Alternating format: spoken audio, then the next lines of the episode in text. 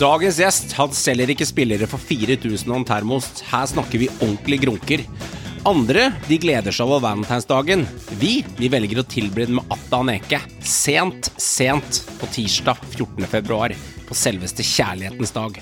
Velkommen til en ny episode av Synseligaen. Dette er Stensrud. Går han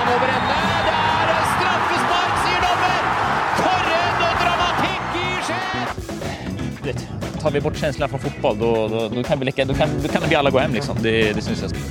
Og så prøver man å skyte fra langt hold. Den der, da! For en helt sinnssyk skåring av Kristoffer Ødemarks Det ene slaget på trynet etter det andre, men allikevel så har vi, vi har troa. Vi har fremdeles troa. Vi skal være seige vi hele, hele veien ut. Her er Tengstedt!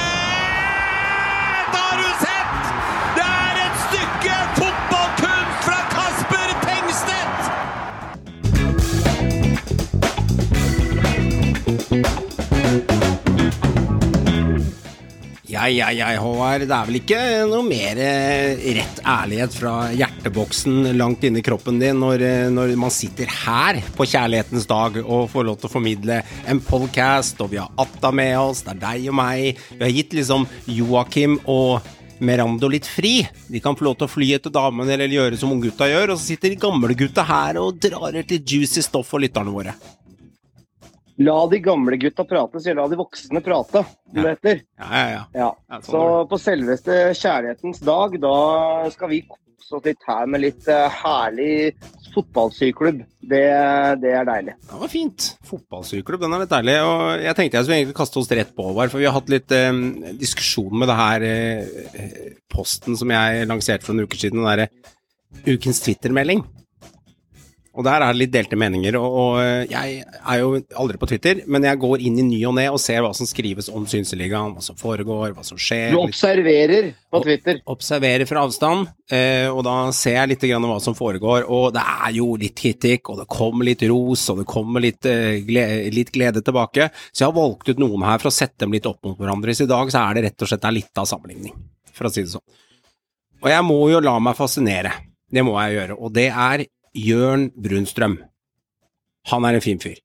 Han eh, skriver rett og slett etter mange år med jakt etter pod og norsk ball, har det endelig dukka opp noe som er potensielt prima. Av det lille som er der ute, så er 90% håpløst, sier Jørn. Det er veldig det trevlig, Jørn. Og så skriver han ja, jeg er kresen og sær, og jeg har mange problemer med synsegjengen. Og da eh, hinter han til oss i Synseligaen. Eh, Han som ikke klarer å bestemme seg for han er fra Montebello eller Holmenko- Holmenkollåsen, da har det tippa for meg. Han sier spillerne og Påsa, etterfulgt av Mjøndalen med slakk L, og det kan vi ikke tillate. Så han, eh, dette her liker han dårlig, eh, og så sier han at jeg begynte å se gjennom hvilken episode jeg trodde jeg skulle teste, og innholdsfortegn siden den første dro jeg opp og presenterte Jim Solbakken skryt, og så skriver han til deg etterpå, er det sarkastisk, ikke sant? Og så svarer du så pent, Håvard, he-he, blunkefjes, hør så finner du ut av det, så får du gi oss en ærlig tilbakemelding. Så skriver han det kan jeg gjøre, jeg kan være så snill å få jobben med rettskrivningsfeil i episodeforklaringen deres. OCD-en min sparker som en hest av at det står Enga-spalte, Glimt-prat og hovedkamper. Absolutt no offense. Han, liksom, han sikrer seg med no offence hele veien, og så liker han ikke at det står Molde-skryt. Det blir ikke lett for meg dette her, sier Jørn. Nei, vi skjønner at det er vanskelig, Jørn. Men så sier han en positiv ting, Håvard. Fant en episode, den her er den fineste av alle, for den her var jo for to dager siden. Fant en episode fra 26. desember, hvor dere prata om Ruben Gabrielsen og Akor Adams. Dette er jo da en LSK-supporter, som vi alle skjønner. jeg prøver den episoden, sier han. Seks uker etter at episoden er sluppet. Altså, det er fine greier. Så han, han er jo Da er du dedikert, da. ja, ja, ja. Jørn, han er dedikert, ja. Så han gir på en måte kritikk at jeg sliter litt med eh, skrivefeil, delingsord, to l-er, eh, dårlig norsk, slengnorsk. Det er litt sånn jeg er, da. Jeg legger det på kunstnerisk frihet, Ari Behn-posten min. Eh, men igjen, jeg er enig i det. Du har et veldig godt poeng, Jørn. Jeg er ikke sterkest. Eh, mulig er litt av litt av lese- og skrivevansker i bunnen her, men jeg gjør så godt jeg kan. Eh, men jeg setter pris på at du er ærlig, og du er dedikert, og du skaper litt eh, Twitter-glede. Så vi legger den på venstresida, og så har vi høyresida over. Den er fin. Og den kom i dag, og den sendte du til meg. Det er Stig André Lippert, og dette er en shout-out til deg, Stig André. Nå Som er en, eh, en ganske kjent banehopper i miljøet. Riktig, riktig. Han reiser rundt. Han reiser rundt, og uh, vi sa jo i forrige episode så lanserte vi jo uttrykket 'tornado i dukkehus'. Det sa vi jo i forrige episode. Den er fin. Og det betyr jo egentlig at det er litt kaos, ikke sant. Det skjer jo lite grann. Her er et lite dukkehus, og så er det tornado, og den er litt sånn søt og fin. Og han skriver 'Nå sitter jeg med podcast og kaffe på torget i Amsterdam'. Ungen sover, kona er på shopping, i kveld venter hjemmekontor på hotellrommet. Akkurat nå smiler livet, så enkelt er det bare. Hint hint til Joakim i podden, så enkelt er det bare. Og så hashtagger han 'tornado i dukkehus'. Og da, Håvard, Det er vakkert. da var jeg solgt på selveste valentinsdag når jeg så den hashtaggen. Ja, det varmer hjertet, det der. Det varmer hjertet. Han velger å legge den kunstneriske ARBM-friheten eh, som en glede. Han andre han irriterer seg over det, men jeg håper både Lipperton og Jørn eh, finner glede av Synseligaen. Eh, det håper jeg. Så jeg vil bare ta det opp i dag, Og- med en liten start. Og vi, tar, og vi tar imot både ris og ros. Det er fint. Det er fint. Atan Eke, velkommen for eh, tredje gang til podcasten Synseligaen. Velkommen skal du være. Jo, takk for det. Jeg gleder meg en stund til å være med. Ja, det er alltid hyggelig å ha deg med. Og du har jo blitt liksom eh, Ja, hva skal jeg si for noe? Du har blitt han, eh, han fyren vi tror litt til. Du er agenten vi snakker med når vi lurer på hva som har skjedd i markedet. Du har alltid, alltid masse spørsmål rundt når du skal være med i podene, og du er jo blitt en synsevenn, du. Ja, har det. Jeg eh, er ikke med på så mange podcaster. Jeg har rett og slett ikke tid, men jeg syns det er alltid gøy å slå av en prat med dere. Så, så når jeg sier at jeg har gledet meg, så mener jeg det genuint. Ikke sant. Tusen hjertelig takk for det. Tusen Ja. Det er jo rett og slett en tillitserklæring, eh, Krog, Ja, ja, ja. til uh, vår podkast, og det må vi ta med oss. Jeg syns det er veldig hyggelig. Jeg synes det er veldig, veldig hyggelig, og um, det som er så fint med deg, at, at du alltid får til en sånn koselig, fin prat. Du, det er liksom å snakke med deg om spillere og salg og penger inn og ut, åssen spillerne tenkte og følte og gjorde. Det er litt som å snakke med han i kommunen når du setter deg ned og tar en kaffekopp og en kakebit, om hvor han står i til i kommunen, hvordan går med unga her, er det noe trening, er det noe progresjon? Du føler liksom at du er på lik bølge. Du skjønner, du føler deg ikke liksom, du er ikke sånn at å, du får helt sånn shaken, og nå må jeg prate om det. Du gjør det jordnært og fint, og det digger jeg. Ja, men takk, takk for det. Det er fine, fine ord. Så får håpe jeg lever opp til forventningene i dag òg.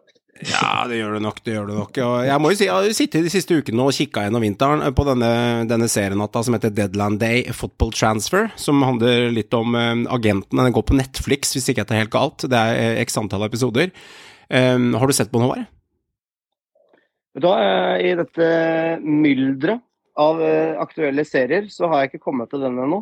Men den vurderer jeg å starte med. Den hø- hørtes kul ut. Den er veldig kul, eh, og den er ikke en sånn derre en profesjonell kar som bare sitter og snakker om agenten er noe skit, og de, de bør brenne, og de skal vekk fra fotballen. Dette er ikke sånn. Her følger du agenten. Her følger du agenten når han står opp om morgenen, drikker kaffe, hva han tenker, spillerens frustrasjon, spillerens gleder, behind the scenes, hva tenker vi, hvilken, hvilken rolle er det som går inn.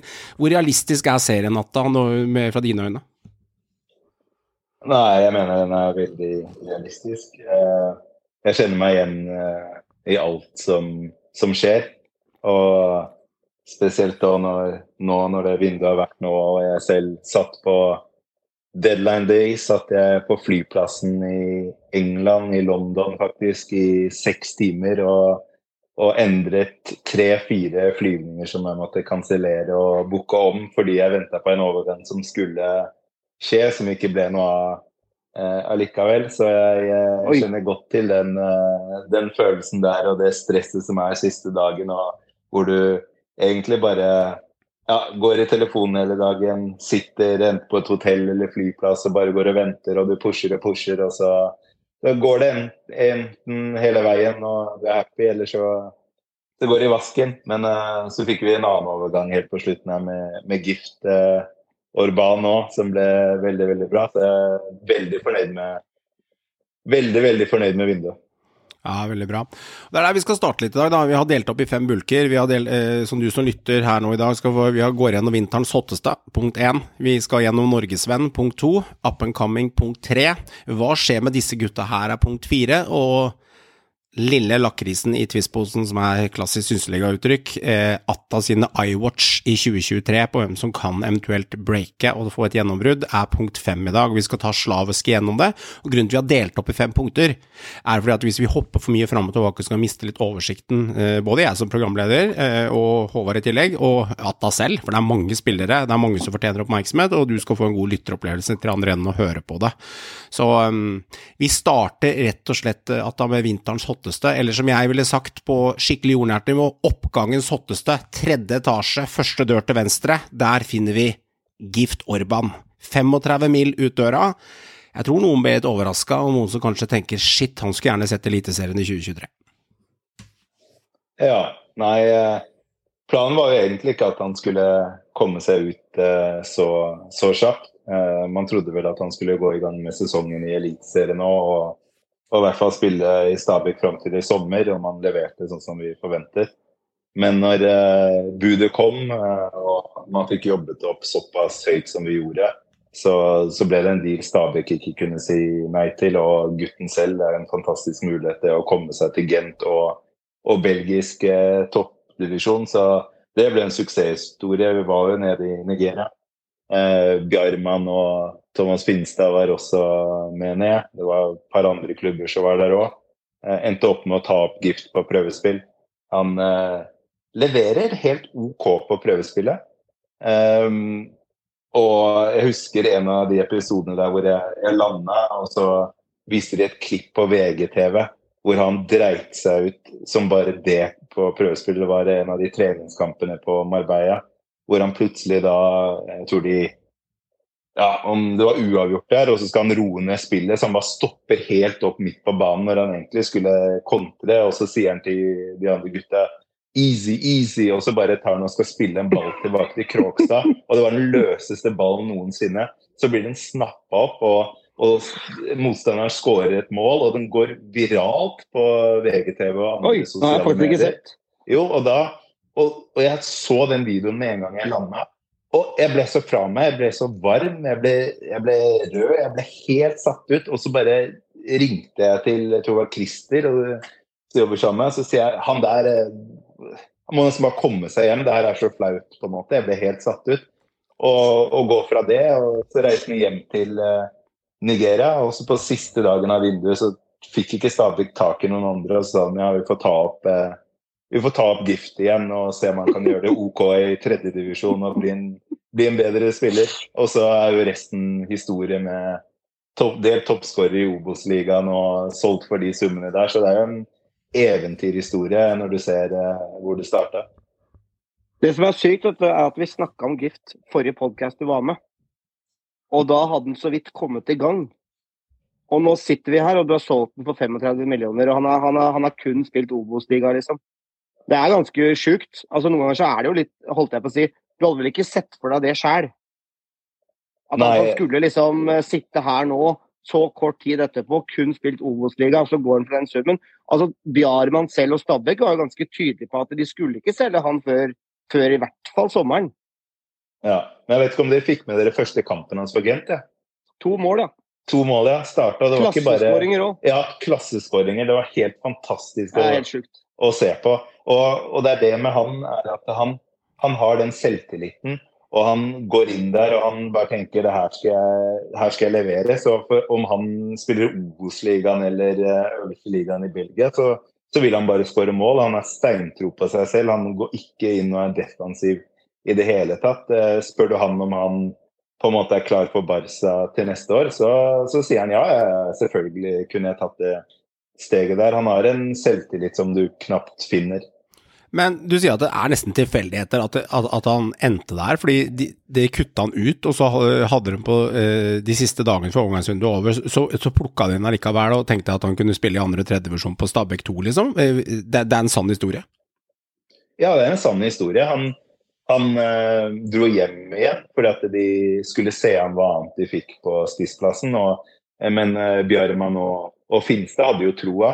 Eh, så det var ikke sånn at de ikke hadde troa i det hele tatt. men de de hadde ikke så mye penger, og de trodde at de kunne få en bedre spiss da, inn enn en han. Eh, så da dro han hjem igjen til Nigeria, og så ble det litt sånn siste dagen Ja, Gift eh, la oss klare å få papirarbeidet ganske kjapt på det å få han, få han hjem. Men jeg holder meg til gift litt. Jeg, det er Christian heter han jobber sammen med? Christer, Christer, ja. spørsmålet er hvordan, hvordan fant dere han? Hvordan finner man et prospekt som han? Eh, Ta sånn, i sånn to minutter igjennom. eh, Hvordan gjør man det uten å avsløre noen noe, noe, noe skikkelige onkel Skrue-hemmeligheter her? Men ta oss litt igjennom det her, fordi at det virker liksom mm, Du skjønner tanken min? Ja, nei, i denne casen her så var det eh, to stykker i, som jobber for oss i Nigeria. Eh, Atai eh, Udia, eh, som vi samarbeider med, og en som heter Fowler eh, også i Nigeria. Og de, eh, de fant Gift bl.a., og satte sammen et sånn West African Selected-lag med spillere som de mente var gode nok. Og så reiste vi ned til Nigeria. Jeg var der, Bjørman var der, Finstad var der og et par andre klubber. Og så syns vi at han hadde de egenskapene som skulle til for å komme til norsk fotball. Så det var ikke sånn at eh, vi ble anbefalt én spiller. Det var jo ja, 100 spillere der eh, pluss som hadde blitt anbefalt. Og så så vi gjennom for å, for å finne de enerne, som vi, som vi kaller det. Så bra teamarbeid mellom lokale speidere i Nigeria og, og oss som var der nede. Er det spillere da som kommer fra, fra, fra ulikt nivå i Nigeria, eller er det plukka fra toppdivisjonen, bare sånn plukka spillere, liksom? Eh, Det er begge deler. Både fra toppdivisjonen i Nigeria og akademier. og så egentlig hele veien fra ja, eliteserien til, eh, til eh, topp akademinivå. Ja. Mm. Skrur jeg tiden to år tilbake, Atta.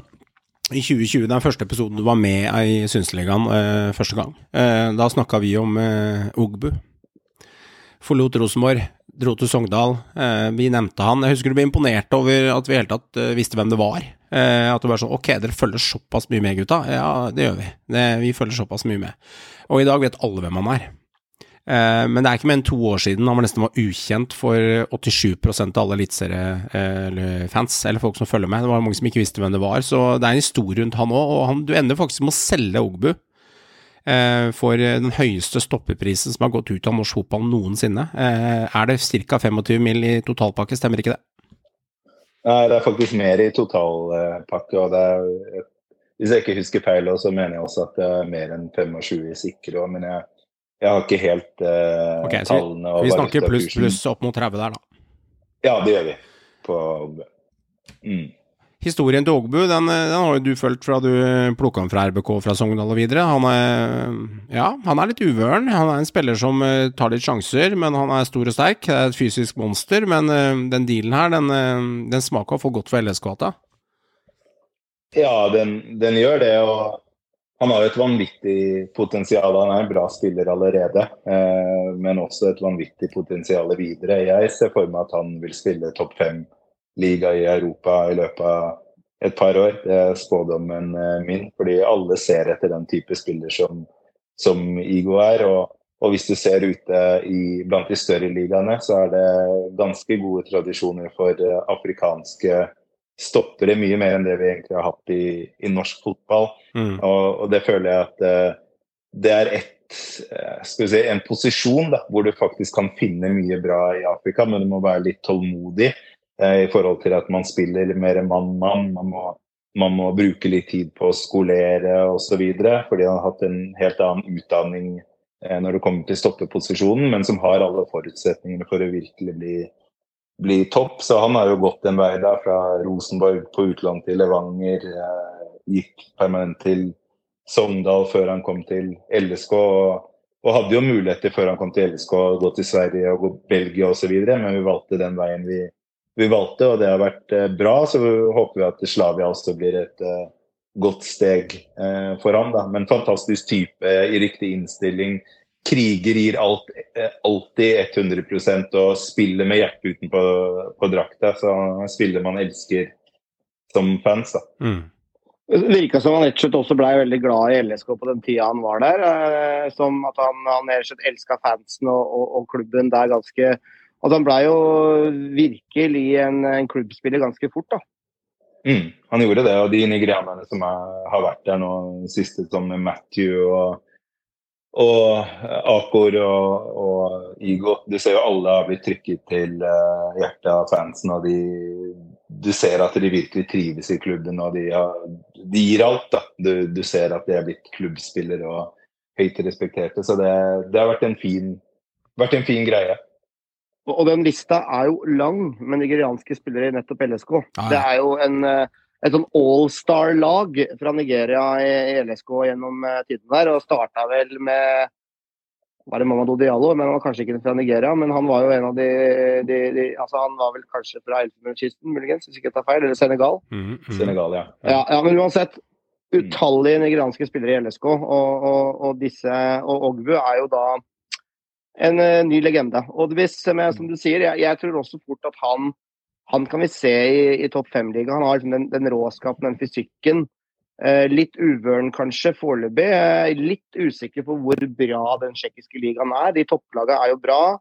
Men Viking slo jo ut var vel Sparta Pravel i over to kamper i Europa. Men, men, selvfølgelig, det er vel altså Sparta Praha, Slavia Praha, det, det er jo store klubber, da. Ja, det er jo det. Slavia Praha er jo levert jevnt i Europa hele veien nå, og, og er toppklubben i toppklubben i, i Tsjekkia. Mm. Og de eksporterer jo spillere hele tida til uh, mm. den type liga. Så jeg følte at selv om vi gjerne skulle flytte han fra LSK til ja, en større liga med en gang, så, så, er det her på en måte et litt sånn sikkert, uh, sikkert steg. Da. Det er det. Er det samme klubb som Khan Kairinen? Nei. Khan gikk til uh, Sparta fra Sparta, ja. Stemmer. Men slaget mm. er ja. ja. Det er, litt, mm. det er litt fint òg, da. Jeg som Rosenborg-supporter og du som Brann-supporter, Håvard. Og en liten shout-out til deg, Jørn Brunstrøm. Håper du hører på denne episoden her. Og siden 90% er håpløst der ute, så kanskje vi det er 2% Lillestrøm-prat nå. Men hadde ikke jeg vært Rosenborg-supporter, yes, I'm gonna say it, så hadde jeg vært Lillestrøm-supporter i norsk liga. Og jeg skal fortelle årsaken til det. Hva er RBK-supporter, altså vanskelig å komme vekk fra det, men hvis jeg måtte valgt en annen klubb For det er en ordentlig fotballklubb! Det er det som er litt kult med Lillestrøm. Ja, det, er, det, er, noe i veggene på Åråsen der. Det er hardtarbeidende. Eh, det er litt hjerterått. Det er, det er litt Frode Kippe med, med, med bøstet fram. Det er sånn det, Her skal det koste å komme. Det skal, være, det skal gjøre vondt å komme til Åråsen. Eh, de har nigerianske perler med tiden som har eh, spilt fletta av fansen. De har kule toppskårere. De har hatt uh, utrolig mange gode fotballspillere som har vært der, som har blitt henta. Det er liksom litt sånn De vinner sjelden mye. Ja, de har, de har to cupgull der de siste 12-15 åra. Nordli tok ett, og så har de vel i 20, 2017, hvis jeg ikke ikke husker helt galt. Så de har noe der, men de vinner ikke noe gull og noe greier, men de er alltid med og danser. Det er, en, det er liksom en ordentlig fotball, det er ikke noe tull med dem. Det er jo sjel. Sjel i LSK. Det, og det er, det er, tøft med dem. ikke sant? Nå er jeg Rosenborg-supporter, så sånn blir det til jeg, jeg, ligger i grava med, med litt av pinne på toppen. Men det interessante er at hvis jeg måtte våkne noe annet, så hadde jeg vært Lillestrøm-supporter. For jeg syns det, det, er en tøff klubb. Og det, det liker jeg med LSK. og... Um, det er viktig å være, å være, litt på det og være ærgjerrig på det og liksom innrømme at wow, det finnes andre klubber enn egen klubb som faktisk gjør noe riktig da, og gjør mye kule ting. Og det er jo, Du kjenner vel litt på det samme kanskje at da når du går i veggene der og du har kjent Bjarma med tida og kjenner jo Simon også, så du kjenner vel kanskje litt av rådskapen som er på Romerike? Jo, det er som du sier, det er mye historie i, i veggene der. og og fansen er fantastisk. Og, og, jeg har hatt mye med det å gjøre fra de første nigerianerne der med ja, Anthony Uja, Nosei Gebor, eh, Edwin Esudawe fra den generasjonen der, så, så har det jo kommet eh, flere og flere. Eh, hentet jo for faen av deg, selv om han er fra Elfenbenskysten også. Men, eh, men, ja, det er jo en, en fin klubb, som du, som du, sier, med masse historie. Det er det, absolutt. Jeg, jeg, jeg husker han Edvin, faktisk. Han hadde vel skåret et eh, jeg tror det var tre mål eller to mål. Eller sånn. Da var det, han skulle rett ut! Ja, ja. Det store ligaer. Det var med en gang på intervjuet. Men åssen gikk det med han egentlig, han godeste Edvin? Jo, han sprada rundt uh, i hvit rest der og etter å ha skåret et par mål. Og, ja, han ble helt oppe fort, ass. Ja, han var det. Men dessverre så, så fikk han en del skader. En kneskade som var ganske alvorlig, som vendte med at han ja, nesten ga opp fotballen etter det. Så det var veldig veldig synd. For han, er, uh, han var en som virkelig kunne ja, kommet langt da, uh, i mm. karrieren. Så, men, eh, sånn er det. Litt kjedelig. Det er egenskap å holde seg skadefri òg. Ja. Eh, mange ganger du ikke får gjort noe med det, uansett hvor hardt du jobber for å unngå det. Så, så er det Ja, sånn er det dessverre. Og det er kjedelig. Spesielt når du kanskje kommer fra et land som Nigeria, da, hvor du etter karrieren kanskje ikke har like mange muligheter som man ville hatt her i, her i Norge. Eh, sånn sett. Så, så, er det jo en ja, hva skal jeg si, tøff eh, ting å kunne svelge og, og, måtte dra hjem til Nigeria igjen. Og så har du kanskje familie og, og ikke bare næreste familie, men også storfamilie, som da så fram til at du skulle bli den store stjernen som skulle Det er liksom, Du traff liksom the golden ticket, liksom. Du har, du har lykkes, og så bare renner det mellom hendene. Ja. Så det, det er nok mye tøffere for de gutta der når du blir sånn enn Det er tøft for alle, da, men du kan tenke deg her så har vi Ja. sikkerhetsnettet, vi har alt eh, Du kan alltid jobbe med noe annet, men, men der nede så er det veldig mye vanskeligere. da. Mm. Skrur jeg klokka tilbake, Atta. Eh, Jeg sleit jo med å tro på det nesten, for jeg syns det virka for spinnvilt. Nå velger, jeg litt å skylde på at eh, fotballprisene eskalerte to timer etter at jeg slutta å tro på det, og datoen er eh, 25. juli. 2022, episode 148 av Synseligaen. Det er Atta Meke med, og skrur du litt innen denne episoden, så sier du klart og tydelig i episoden at skulle jeg solgt Fofana i morgen, så hadde jeg solgt den for 60 mil usett. Eh, uten å blunke. Så går det fire-fem måneder, og så ligger det 130 mil Atanek på bordet, for en følelse. Ja, nei, det var, eh, det var helt fantastisk eh, det. Og så ser jeg at mange andre, når de snakker om overganger, snakker om at det er totalpakke osv. Men, eh, men her så, så, så var det sikre penger eh, som Chelsea la på bordet. Og en eh, enorm sum, men også for en fantastisk spiller. og det er utrolig moro når man har meldt det man har meldt fra dag én, at han egentlig var Kanskje et under at han endte opp i norsk, norsk Mm. fotball. Eh, og så kommer han hit, og så leverer han til de grader som han gjorde. Og så får du summer som man tidligere aldri har drømt om engang. Det, er- det er en suksesshistorie som er, som er moro å ha vært med på, da. Og det verste er at Du ser jo at eh, gutten eh, han har jo noe å gjøre i det selskapet også. Har jo vist eh, vekselvis, har jo fått litt spilletid. Det var jo litt rykter om at han skulle bli lånt ut, men han ble jo værende. Og selv om det er det sinnssyke stjernegalleriet der nå, så har han jo fått eh, prøve seg litt. Og, og han gjør seg jo virkelig ikke bort heller. Nei, ikke i det hele tatt. Han er god på trening, og han, han gjorde, har gjort det bra de minuttene han har fått også. Så når vi kommer til Synd han ikke fikk den ene skåringa der, for det var jo, hadde jo vært en vanvittig skåring. Ja, det hadde det. Men Chelsea ville faktisk ikke. Det var nok av lånetilbud. Jeg tror jeg hadde ja, 20 av, klubber i topp fem-ligaer som jaktet han i forhold til å få han på lån. Men Chelsea endte med å si at de ikke ville låne han ut, og de ville at han skulle bli, for de trengte han der, der oppe. Så det er jo en eh, Det vitner jo om at han har gitt et godt, eh, solid førsteinntrykk. da. Mm. Ja, uten tvil. Han trives bra, eller? Han har funnet seg til rette med Modric og co. Jo, han, han har funnet seg til rette, han, men han er sånn som Han vil spille, han. Han, eh, han bryr seg ikke så mye om at han er i Chelsea eller er i den og den storklubben. For han så er det viktigste å, å spille, så jeg tror at han er veldig veldig fornøyd. Og så håper han på å få spille enda mer òg. Så, Mm. så ja. Men dette er jo en spiller som virkelig kan bli stjerne. Altså, han har det jo Det tror jeg han har i seg, faktisk.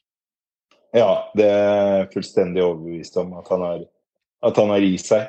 Eh, Så får vi se om han først om han må ta det låneoppholdet, eller om han på en måte kan bli det allerede nå i, i England. Men Chelsea på en måte så noe spesielt i han. Og det var ikke bare Chelsea, det var en hel haug med andre klubber som også prøvde å kjøpe han. Men når, det, når prisen ble sånn som den ble, så, så var det en som sto igjen til slutt, som hadde råd til å hente han.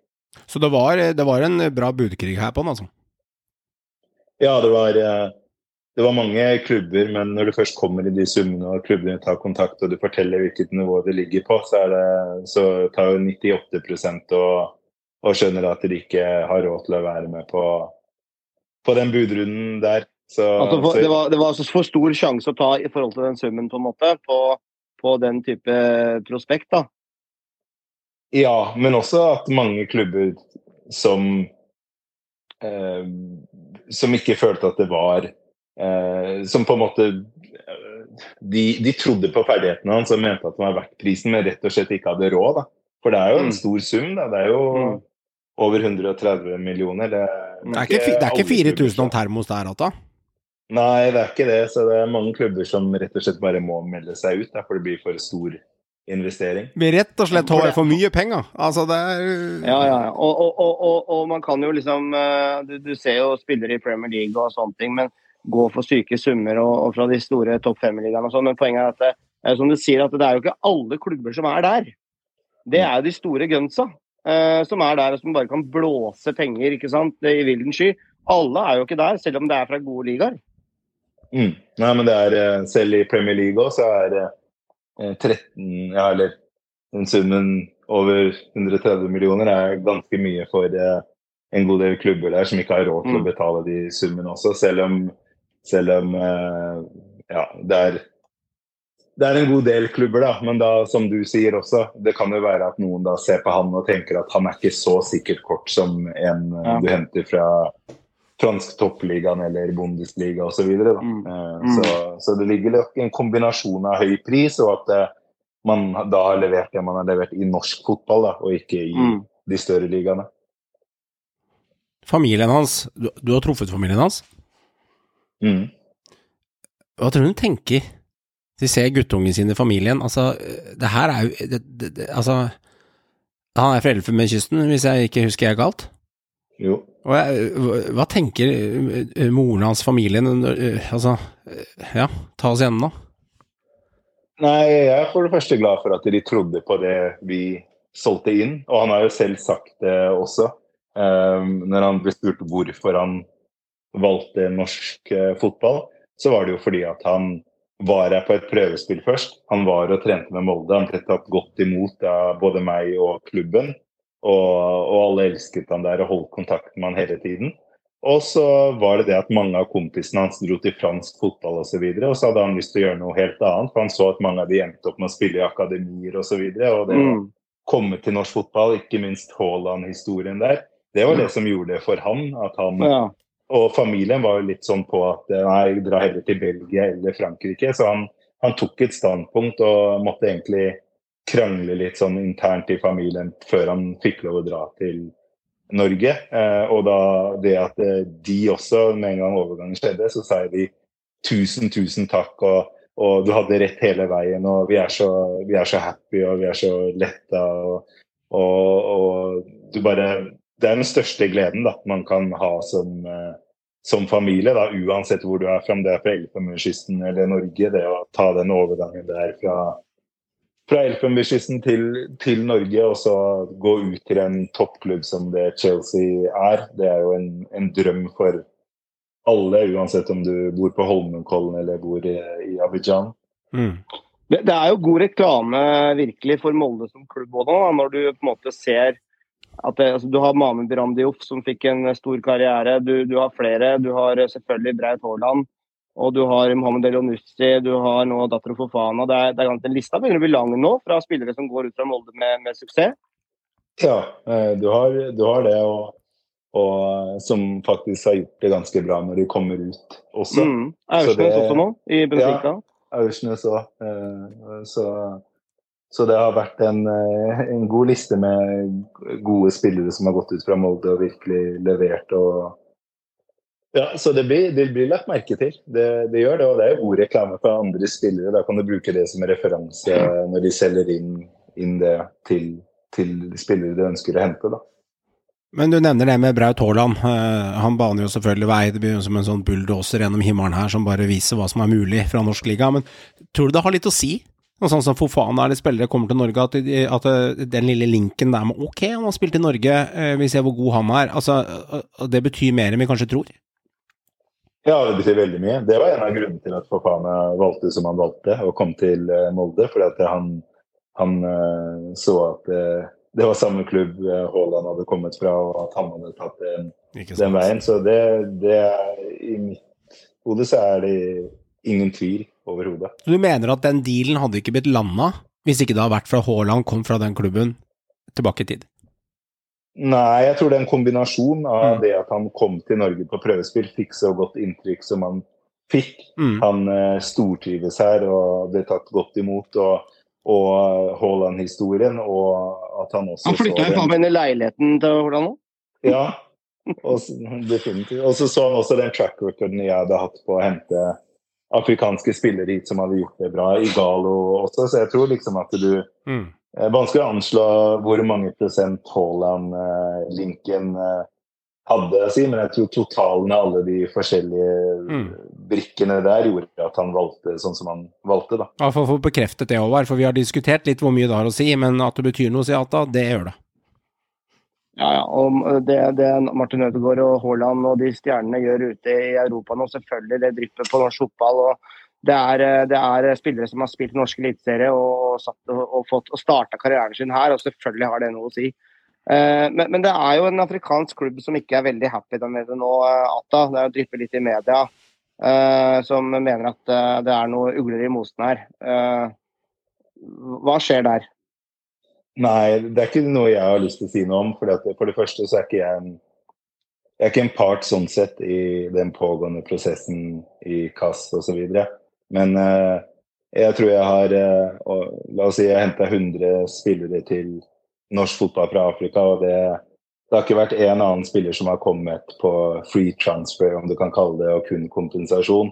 Uh, så i Fofana sitt tilfelle så, så var det så var det mye i kulissene som ikke jeg Det er ikke på plass Det er ikke på sin plass at jeg på en måte går og kommenterer det og, og holder på, for det er ikke noe jeg på en måte Mm, det er. Ja, det er en grunn til at ja, selv om det, det som har kommet ut uh, har vært veldig ensidig og sånn, så har vi bare valgt å ikke kommentere det og bare la den prosessen gå som den går. Også, men når det er så enkle ting som når du da leser og det blir sådd tvil om hvorfor han ender opp i norsk fotball, og du ikke tar høyde for noen av de tingene som for faen meg selv Mm. har sagt da, om Mm. hvorfor han ender, eh, endte opp i norsk fotball, så føler man at det, ja, enkelte da har en agenda eh, når man Mm. skriver, og hvis du begynner å kaste deg ut i det, du, du kan ikke vinne, og du kan ikke bli Nei. på masse diskusjoner på Twitter osv. og alt mulig. Og da, da velger jeg å bare la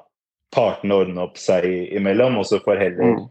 eh, historien min og de overgangene jeg har gjort tidligere, tale for seg selv, Mm. og, og, og, og det heller får vitne om hvordan man er eh, som, som person. Og, og Mm. jeg har kjempegod samvittighet i, i Ja. den dealen, og for faen er fornøyd, og familien er fornøyd. Og så, så er det dessverre eh, en part som ikke er fornøyd. Og de, i mitt hode så de beste dealene er selvfølgelig når alle er fornøyde, men av og til Ja. så får du bare gjøre ditt beste, og så kan du ikke gjøre noe mer enn akkurat, akkurat det, da. Mm. Nei, Det er ikke sant. Det er fair, det. Når du ser på de prisene her, Gift Orban 35, Ogbo 25, Fofana eh, milliard, eh, humoristisk sagt, så du snakker voldsomme summer. Hvis du skrur klokka seks måneder tilbake, episode 148, du skulle selge den for 60, det gikk for det dobbelte pluss pluss. Hadde du trodd på at gjennom vinteren at, at prisene skulle eskalere så mye? Når var det du begynte å skjønne som agent? For media og supporterne i meg skjønner det seinere enn du, for du sitter i markedet daglig. Når begynte det å gå opp for deg at ok, denne, de, denne pengegaloppen her, den kommer til å bli vill. Hvor var det breaking point hen? Nei, egentlig med en gang du får Premier League-interesse, da. For det er ikke noe tvil om at det er ligaen hvor, hvor man virkelig kan betale de store summene. Mm. Eh, og så var, det et, eh, så var jo Molde ganske klare på at det her skulle de ha godt betalt om han skulle, han skulle gå. Så vil vel si at med en gang du får mer enn én Premier League-klubb på banen, så skjønner du at det her kan virkelig bli, bli et stort salg. Det Var ikke Brighton inn der også? Det var i hvert fall rykter om det. At det var flere Premier League-klubber. Jo, det, det stemmer. eh, Det stemmer, det. Vil du si noe hvilken klubber som var i miksen? Jeg har ikke lyst til å name-droppe alle, for det er litt sånn uh... Nei, jeg spurte ikke om alle at alle de 20, jeg spurte bare om fire. Ja. Nei, men uh, når du tok opp Brighton, så stemmer det at de var en av Ja, de klubbene. For det er jo på en måte, i hvert fall i media har det vært spekulert at Brighton var kanskje, hva skal jeg si, nære da. Før Chelsea bare kom og slang uh, de nødvendige kronene på bordet. Ja, så det, det stemmer ganske godt med sannheten der. Det var faktisk en Premier League-klubb også som var med i miksen der eh, også. Det var tre Premier League-klubber som Og så var det flere som forhørte seg. Det var tre-fire til òg, men som, eh, som da ga seg ganske kjapt. Aston Villa tenkte jo spiss, så um, Ja, de var ikke med der. Har, har Ollie Watkins, de vet du, han. Det holder, det. Det stemmer det. stemmer. det. Holder, holder, det, holder det. Holder det. Eh, men det er jo ikke bare norske klubber Håvard, som eh, har fyrt av noen kroner etter vinduet her. Eh, Berg, Bjørkan, også klienter av deg, eh, Atta. og det har jo vært litt diskusjoner. Jeg og Håvard diskuterte mye i Synseligaen, både på Patron for dere som er medlem der, der vi har litt lukka episoder for den som er Patron-medlem, og jeg vil gjerne si til dere som er Patron-medlem siste uka. Tusen hjertelig takk for dere som har meldt dere inn i Patron. Der får dere en ukentlig ekstraepisode fra oss i Synseligaen, som er litt kortere enn en vanlig episode, men det er dedikerte temaer, og det er veldig mange den siste uka også som har meldt dere på ett års medlemskap der, mot å få 15% rabatt med å huke av for ett år på Patron, og det syns vi er hyggelig. Det gjør at dere faktisk gir eh, Synseligaen litt, eh, litt respons fra sida, slik at vi kan bytte ut utstyr, bytte ut mikrofoner, kjøpe litt ledninger, ting går slitasje på, for vi er podkasten av fans for fans. Så tusen hjertelig takk til dere som er og støtter oss inne på Patron. Vi gjør det beste vi kan for å lage gode episoder til dere. Og inne på Patron og på åpen plattform så vil det alltid komme én episode på åpen plattform. Og det valgte å komme én episode på Patron, så hvis du har lyst til å ha fullverdig Synseliga-medlemskap eh, og lytte til oss, så får du to episoder ukentlig, én på hver plattform. Så velkommen skal du være hvis du ikke er der inne. Der har vi diskutert mye Bodø-Glimt, Atta. Vi har diskutert Bodø-Glimt angående prisene. Hva er fornuftig, hva er riktig? De skal ut i Europa. de skal ta en hegemoni fra Molde, de skal sette Rosenborg på plass enda en gang.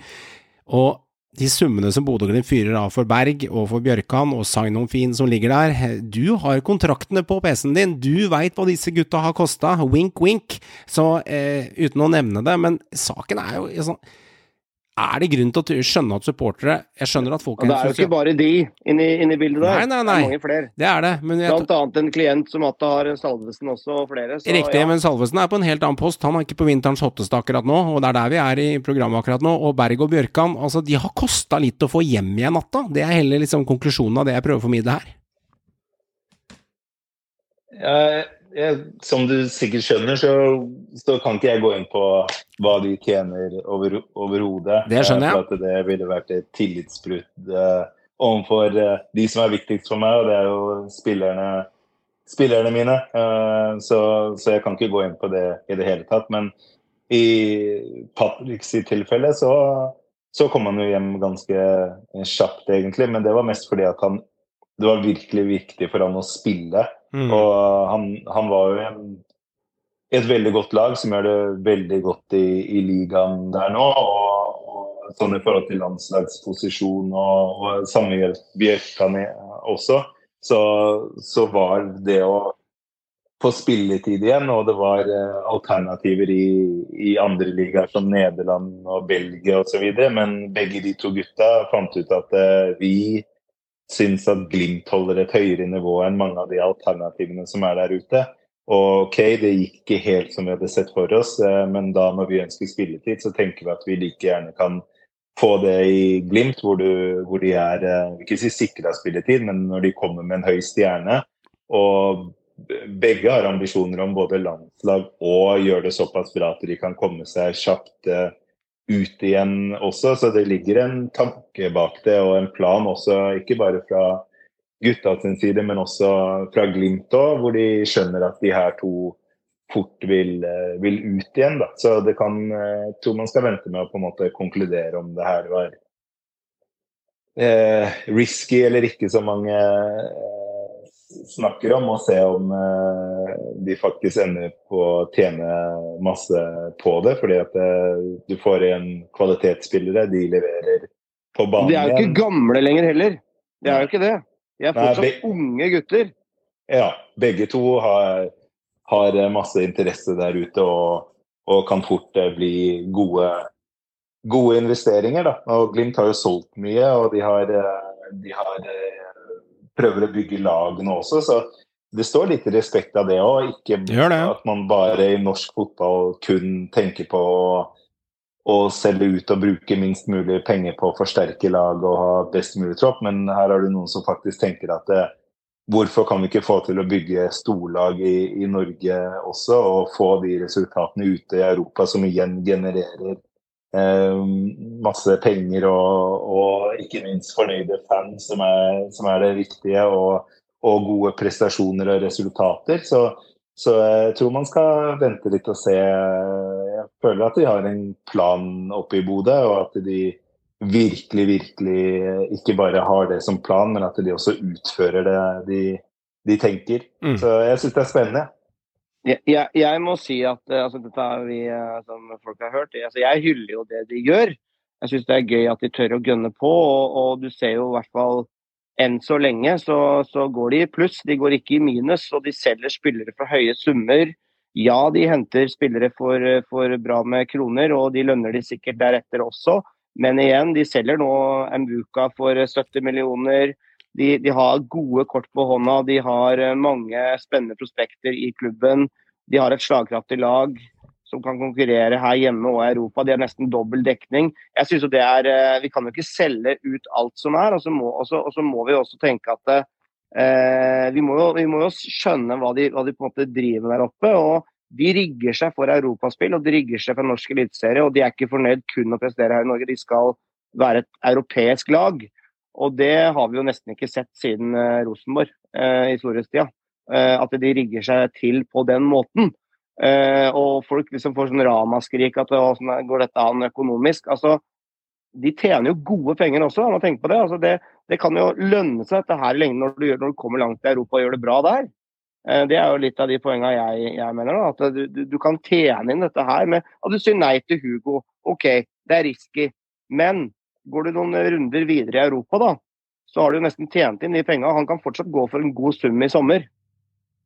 Ja, nei, det er, det er det. Og Glimt har jo alltid gjort ting litt annerledes. Da. Det er jo derfor de har kommet dit de har kommet. Og så har de sikkert skjønt at for å ta det ett steg lenger da, eh, videre, så er de nødt til å ta nye risker og, og utvikle seg, seg, videre. For hvis det er én ting som er sikkert, er at eh, hvis du er en liten klubb som Glimt var fra før av, og du gjør alt liksom alle andre gjør, så, mm. så det er ikke så lett å få noen andre resultater enn det alle andre gjør heller. Så vi får vente og se. Vi får vente og se. Og det er mange som har prøvd å kjøre beinhardt tidligere også, og høyt holdt høye kostnader for å prøve å komme inn disse europaspillene, og fela på målstreken. Det har kosta andre klubber x antall kroner tidligere, som har satt dem i en ulykke. Vi ser jo Stabæk prøvde, vi ser Brann prøvde, vi ser Rosenborg har prøvd x antall ganger, du ser hvor de er nå. Men også lykkes. De har også lyktes. Molde har også prøvd, rykka ned, og så Okto lyktes de siste ti årene og vært i toppen, så de har også lyktes. Så klart, det er iallfall én ting, da, som fra det fra ditt perspektiv, var hvis man ikke prøver, så lykkes du faen ikke. Så det, det, det er noe i det. Og så er det forskjell liksom på ikke sant, eh, rive av alt enn å, å, prøve å sikre litt. Så det her er en litt sånn kost-nytte, start-stopp. Det, det, er en vanskelig balansegang, og det er det som gjør fotball spennende òg, ikke sant. Så jeg ser den. Kari Re, jeg vil snakke litt om Norgesvenn. Husker du Se og Hør på 90-tallet? Når, når du bladde opp i sånn Se og Hør, så så du alltid en eller annen fotballdude eller en eller annen sånn norsk-utenlandsk mann som sto med sånn lusekofte og laks i hånda, så kalte man han Norgesvenn. Og jeg husker han som var sammen med Diana Ross, hva het han igjen? Han eh, norske Hva het han igjen? Kom, hjelp meg her. Arne Næss. Arne Næss, ja. Da var det sånn Norgesvenn innom, og hun var norgesvenn av Norge, og så var det Norgesvenn. Ja ja, det er mange norgesvenner. Ja, er du gæren, er du gæren. Vi er litt sånn i Norge. Og Aron Ja, vi liker det. Aron Samuel som spiller Ersum Spor, har jo kontrakt ut 2023, og vi snakket jo han sist også, da var han jo i Kina, Ata, og hadde jo historiske historier om han som var litt artig med kontraktsignering og penger, penger, penger fra sida, og de ville signere livstidskontrakt, og det var ikke måte på. Men nå er han i Tyrkia. Ja, han er i Tyrkia, og det er jo sesongen er jo litt annerledes, da. Så det var eh, Han har kontrakt fram til eh, nå i sommer, da. Så 30. 30. mai eh, går den kontrakten, kontrakten ut. Så får vi se hva han, eh, hva han ender opp med å, å gjøre. Men eh, målet hans er nok eh, sikkert ikke å komme til, til Norge Han, har, han har vært linka til litt klubber, eh, har jeg i hvert fall sett, i, i norsk eh, fotball, bl.a. Molde. Ja, han har det. Men eh, det er jo viktig for han å på en måte kunne tjene gode penger nå. og Så får vi se om han Jeg tror nok eh, drømmedestinasjonen hans er nok Gulfen et eller annet sted. I noe Saudi eller noe Dubai eller et eller annet eh, der. Det er nok det han helst drømmer om. Jeg tror ikke han akkurat nå drømmer så mye om eh, minus ti grader på en frossen kunstgressbane. Det er ikke helt eh, Been there, done that. Uh... Ja, han er, han er livsnyter, han der. Så han, eh, Han er livsnyter, men, ja. eh, Er han livsnyter? ja. Han er glad i god liv? Ja, han er, han er jo det. Så det er ikke noe, det er ikke noe tvil i, i det hele tatt. Og så begynner han jo å bli voksen nå også, i forhold til hvor han kommet til et sted i karrieren hvor han også må tenke litt på hva han skal gjøre etter karrieren. Selv om han har litt år igjen, så, så er det nok viktig det der å kunne, kunne tjene gode penger. Det er utrolig Jeg ser du smiler lurt. Jeg ser du smiler lurt når du sa livsnyter. Det virker som du kjenner at han er glad i det gode livet, han Samuel. Ja. Ja, men det er sånn med alle spillere. Jon Carew også som sa at eh, hadde han skulle vært sånn som alle andre, så hadde ikke man klart å få ut det, det beste av han. Så det er veldig ofte at folk sier at tenk deg hvis han og han hadde vært enda mer seriøse og så videre. Men uh, samtidig også, så hadde de kanskje ikke klart å leve under det strenge toppidrettsregimet som er uh, mange steder. Da. Og det er litt sånn gøy med, med litt folk som ikke bare er uh, helt A4 også, at man kan ha plass til de, og at de Ja, folk som har litt andre syn på, på ting. Mm. Mm. Og så har vi også en annen eh, såkalt norgesvenn. Lekke James eh, er vel også i Tyrkia, hvis ikke jeg tar feil? Jo, han har faktisk blitt norsk nå. Så han har eh, Han har blitt Han har- norsk, ja. Ja, han har fått eh, norsk pass og Oi. har familie som bor eh, i Molde fremdeles, og er i Norge faktisk akkurat nå også pga. tragiske hendelsene i, i Tyrkia nå med, med jordskjelv og, og sånn. Så, så han er eh, hjemme en kort tur nå i, i Norge. Og han har jo eh, lang karriere i norsk fotball. Det han. Eh, både i Ålesund og, og, og nettopp Molde. Eh, er dette en spiller som vi plutselig kan se vende nesa hjem, holdt jeg på å si? Ja, etter hvert. Kanskje ikke helt nå til sommer, men du skal aldri si aldri. Kan fort være en som eh, noen klubber Ja, noen av toppklubbene i Eliteserien lukter på nå til eh, i sommer, og at det kan kanskje bli noe hvis han eh, hvis han får noe han syns er eh, virkelig interessant. Hvis ikke, så vil tipset mitt ville vært at han kanskje er ute ett eller to år til før han kommer tilbake til norsk fotball. Men at han ender i norsk fotball igjen, det, det tror jeg på. 30 år. Mm. 30 år. Ja. Mm, mm, mm. Mm. Det er jo Åssen har han levert i Tyrkia, godeste Lekke James? da? Han har vært litt skada nå, men leverte ganske OK bra før, før det. Men uh, Leke han er, en, han er en kar som jeg tror kommer til å få uh, ganske god karriere uansett hva han bestemmer seg for å gjøre etter fotballen. Utrolig smart, uh, gode Mm. investeringer. Du merker når du prater med han at han er en klok, klok mann.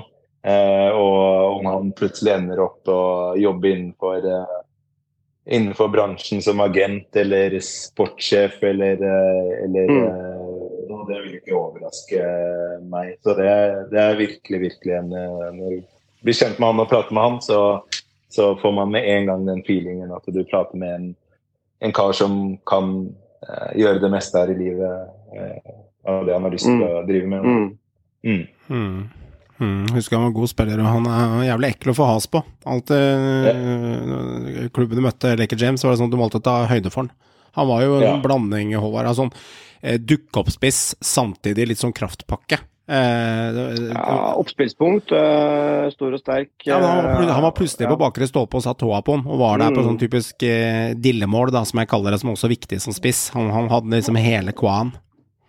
Han, øh, ja, solid, solid. Det er nok sikkert, øh, selv om han da er øh, over 30, det er nok nok av klubber som eventuelt kunne tenkt seg han tilbake til norsk fotball. Det, det føler jeg meg sikker på. Mm. Ja, det har du nok eh, rett i. Hei, Jørgen Strand Larsen her. Du hører nå på podkasten Synseligaen. Ønsker du å få med deg all sladder, synsingen og om profilen i Eliteserien? Abonner på Synseligaen der du hører din podkast. Vi snakkes. Og så er det Victor eh, Boniface, da. Eh, han har jo ikke vært ute så lenge og hatt denne skaden sin. Gått ganske bra med den, men eh, du vet jo nøyaktig åssen det går med Victor. Ja, jeg kan si det sånn at hvis klubben hans ville solgt han siste dagen av vinduet, så kunne han gått til en fransk veldig stor klubb. eh, Oi. som var beredt til å betale langt over 10 millioner euro. For, eh, for han. Så han eh, Det som er med Victor, er kanskje ikke den som skårer flest mål. Han har fire ligamål, mener jeg, og så har han eh, litt mål i Europa. eh, Mm. nå. Og, men han er en spiller som har alt. Han er mange spissere enten, enten bare raske ent, eller sterke eller gode avsluttere. Men han har hele pakken. Han er med i det oppbyggende spillet i hvert eneste angrep. Han har fine assist, han, han er sterk, han er teknisk. Han er, han er en Forsvaret hele tiden må være obs på. Han binder opp eh, mange forsvarsspillere, og han er rett og slett eh, allround veldig, veldig god. Og det er vanskelig å finne en spiller som på en måte bringer alt det eh, til bordet, holdt jeg på å si. Og derfor også så, er han en spiller som eh, vil overraske meg om vi ikke får inn et stort bud til sommer igjen på, på han. Det var jo en spiller som jeg må si nesten spilte for lite i forhold til hvor god han var i norsk fotball. Altså i, i Glimt. Altså Han var jo klasse uh, i mange kamper. Han var jo helt enorm. Ja. Altså, og de tekniske finessene, den, bare, den syke pasningen der han finter skudd og bare kjører han med standfoten eller hva det var for noe. Altså det, Mm. han har jo en, en, en, en pakke, uten tvil, som jeg vil tro eh, klubber eh, på høyere nivå enn den belgiske ligaen eh, er ute, etter. Selv om du sier han, han bøtter ikke inn mål. Men, men han er jo ikke gamle gutten, han heller.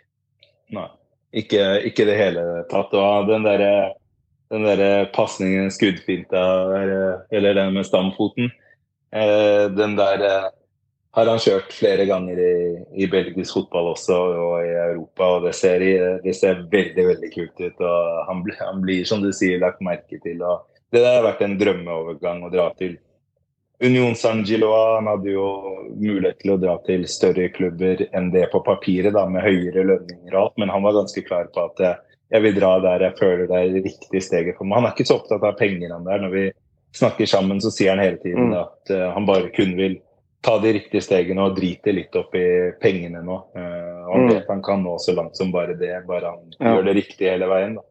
Mm. Jeg husker han litt som altså, Kanskje min observasjon, jeg vet ikke om det fungerer i den, den ligaen er enn nå, men jeg syns han virket litt sånn Litt sånn individualist på noen ting. Han fikk litt mindre spilleminutter under Knutsen der. Han ble kanskje ikke drilla så mye inn i totalsystemet til Bodø-Glimt. De valgte han litt vekk i noen situasjoner der, versus de andre som var der den gangen. Så, så hadde han den skaden sin. Men jeg syns Boniface også eh, virket litt mangel på spilleforståelse eh, i laget av det jeg så i Norge. Men klart det er lett å si nå, eh, når han sitter og du ser hvilke step han går videre. Men er det en gal observasjon, Atta, eller kunne det oppfattes som for det blå, blå norske øyet jeg satt og så på dette her? Jeg tror at hvis du skal ha en, eh, en spiller med den X-faktoren som Fofana har, og, og alt det, så må du også legge om eh, spillet litt og ha litt eh, hva skal jeg si, eh, forståelse for eh, at eh, hvis de skal skinne best mulig, så må man også gi dem litt rom og, for å på en måte utvikle seg og uttrykke seg òg. Men, eh, og det er ikke noe kritikk til eh, Kjetil overhodet, for at han har jo hatt fantastiske resultater og han vet hva som skal til for å spille på laget hans. Så, Mm. så kanskje Viktor ikke var eh, helt mannen for de, men at han hadde levert i Glimt og skåret masse mål og vært uh, utrolig god for de, det, det tviler ikke jeg på i det hele tatt. Og så får vi jeg er glad for at det er Kjetil som styrer der. for at Hadde jeg styrt eh, Glimt som trener, så tror jeg vi aldri hadde fått de samme resultatene. Så jeg får bare stole på at, eh, på at han eh, vet eh, hva som er riktig for han mye, mye mer enn det jeg vet. Eh, holdt jeg på å si. Men i mine øyne så, så burde han definitivt spilt eh, og kunne gjort det veldig bra hos Glimt. Jeg, jeg har jo, Vi syns jo her, det er jo det vi driver med. Uh, I hvert fall mange av oss. Eh, men jeg, jeg har en følelse av at, eh, han, at de hadde nådd eh, CL-gruppespill med, med han på laget og som number one på topp der. Fordi det tror jeg kunne bikka det, faktisk.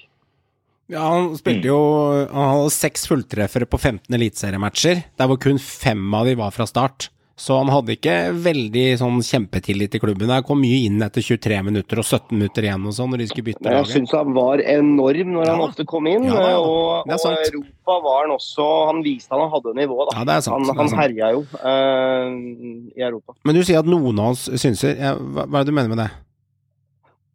Alle syns jo det er det vi driver med her. Ja, altså, jeg har fulgt med fotball i 30 år, jeg. Altså, altså Du vet at ekspert... følte, du- følte du det som et stikk? Nei, Nei, jeg tenkte mer motsatt, at du solgte meg opp som, som ekspert. Fordi saken er at når du har fulgt Nei, nei, nei, nei, absolutt ikke noen ekspert, du, nei. Nei, nei, nei, nei, fordi saken er at når du har fulgt med, med i 30 år, som er 3-10 år, og du sjøl ikke er 40 ennå, så tenker jeg i bunn og grunn at eh, ekspert er jo ikke en freda tittel i Norge. Eh, så, og det er heller ikke synser. Men vi lagde jo en regel på det at, at for å kunne være synser, så må du i hvert fall ha bachelor. Det vil si at du minimum har fulgt med i fotball i tre år. Da kan du være synser, ikke sant? Eh, så det var litt morsomt. Jeg satt og hørte på en podkast her om dagen med en tidligere eliteseriespiller. Så sa han så sa han jeg begynte å følge med på norsk eliteserie. Det var litt artig. Og da tenkte jeg å gud bedre, jeg har fulgt med i 30 år. Jeg er jo ekspert, tenkte jeg, så får folk mene hva de vil ut om det. Men han satt og sa sjøl at jeg har fulgt med på norsk eliteserie siden 2010-sesongen. Og han, og han har sittet i Eurosport og TV2-studio og kommentert Eliteserien. Han husker jo ikke hvem Mamadou Diallo er engang.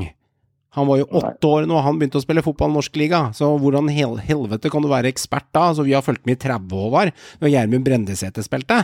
Det eneste som skiller deg og meg, vet du, Håvard, at ikke vi er eksperter, vet du hva det er for noe?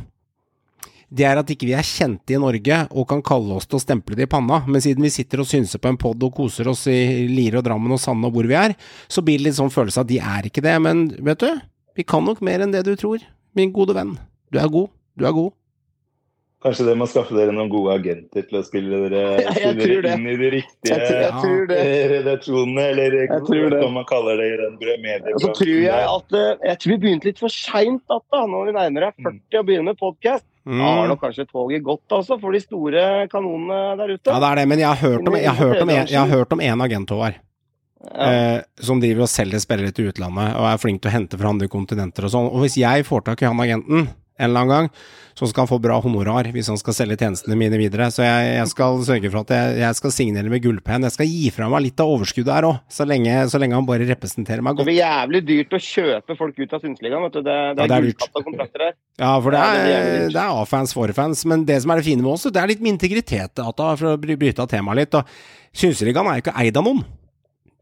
Det vil si at eh, vi er jo ikke eid av noe mediehus. Vi er jo ingen som eier oss sponsormessig, det er ingen som kan styre hva vi snakker om. Contenten vår, ingenting. Vi må følge Vær varsom-plakaten og sørge for at vi behandler folk med respekt og beveger oss på en linje som i hvert fall følger norsk lov. Men det er noe med å eie sitt eget produkt òg, Atta. Det, det, ligger noe, det ligger jo integritet og stolthet i det også. Ja, det, det, gjør det, det gjør det absolutt. Og jeg tenker at eh, man, eh, man har jo en viktig oppgave da, når man er der ute og formidler til fans og jobber i fotballen sånn generelt også.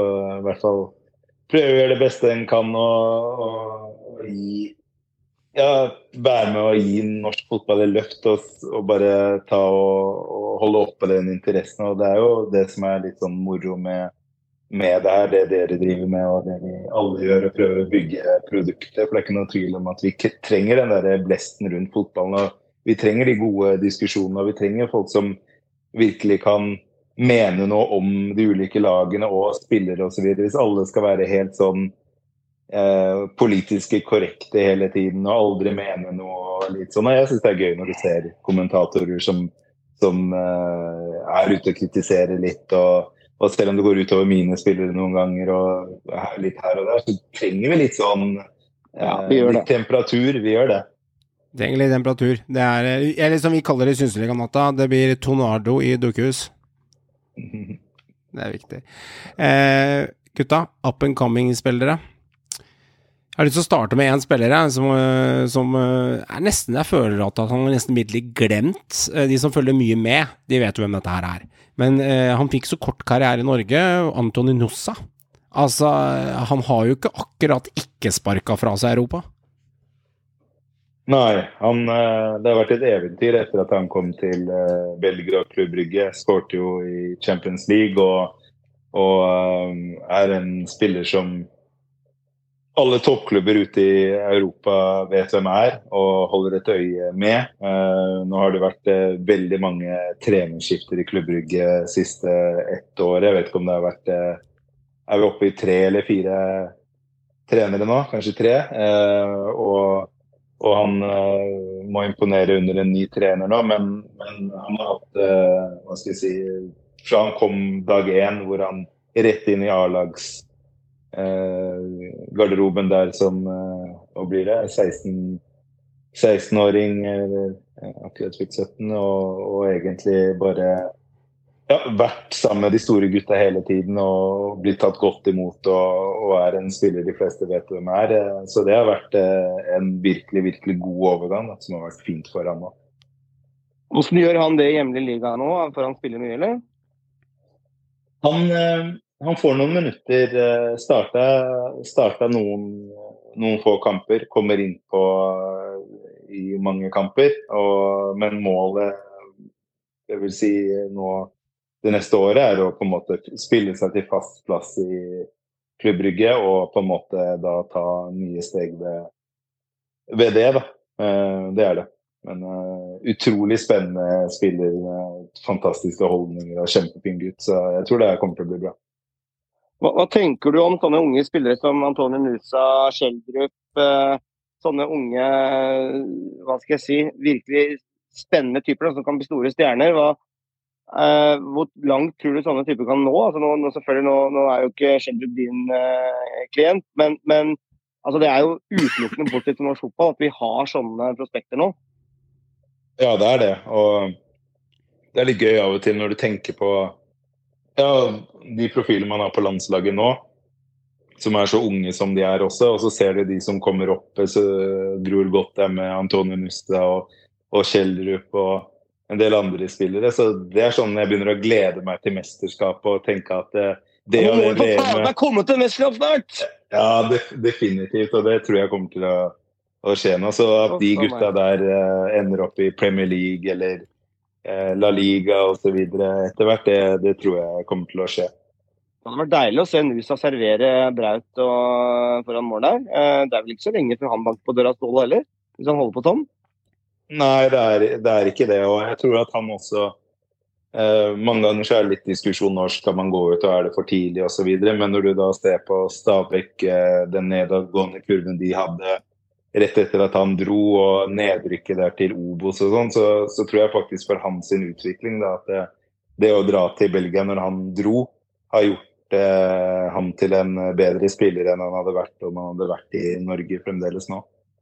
Ja, for, det, for det er jo en balansegang det der. Noen er det jo, er det jo veldig riktig for, som du sier, å, å dra ut tidlig, mens andre bare kommer med halen mellom beina og kanskje drar ut for tidlig. Det er jo en gyllen balansegang, det der. Og Det er jo sikkert noe som du som agent står, står midt oppi også, det, og som du sikkert også rådfører spillere med. at det, For noen er det kanskje tidlig. og Hvordan er det på en måte å, å føre den dialogen der, og, og vurdere når det er riktig eller galt? da?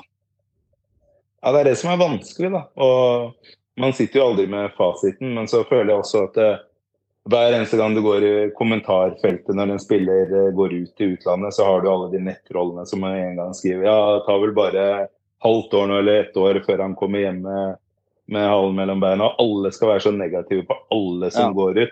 Og, og det syns jeg også er litt sånn trist, da, at folk skal være litt sånn redde for å gå ut. og og hvis det ikke lykkes, så skal det bli sett Mm. på som eh, ja, det og det at du valgte feil. og For det er jo ikke noe videre. nedtur det å eventuelt komme hjem. Du har fått- faen meg prøvd deg ute, og da kan du dra hjem og bygge det opp igjen. da.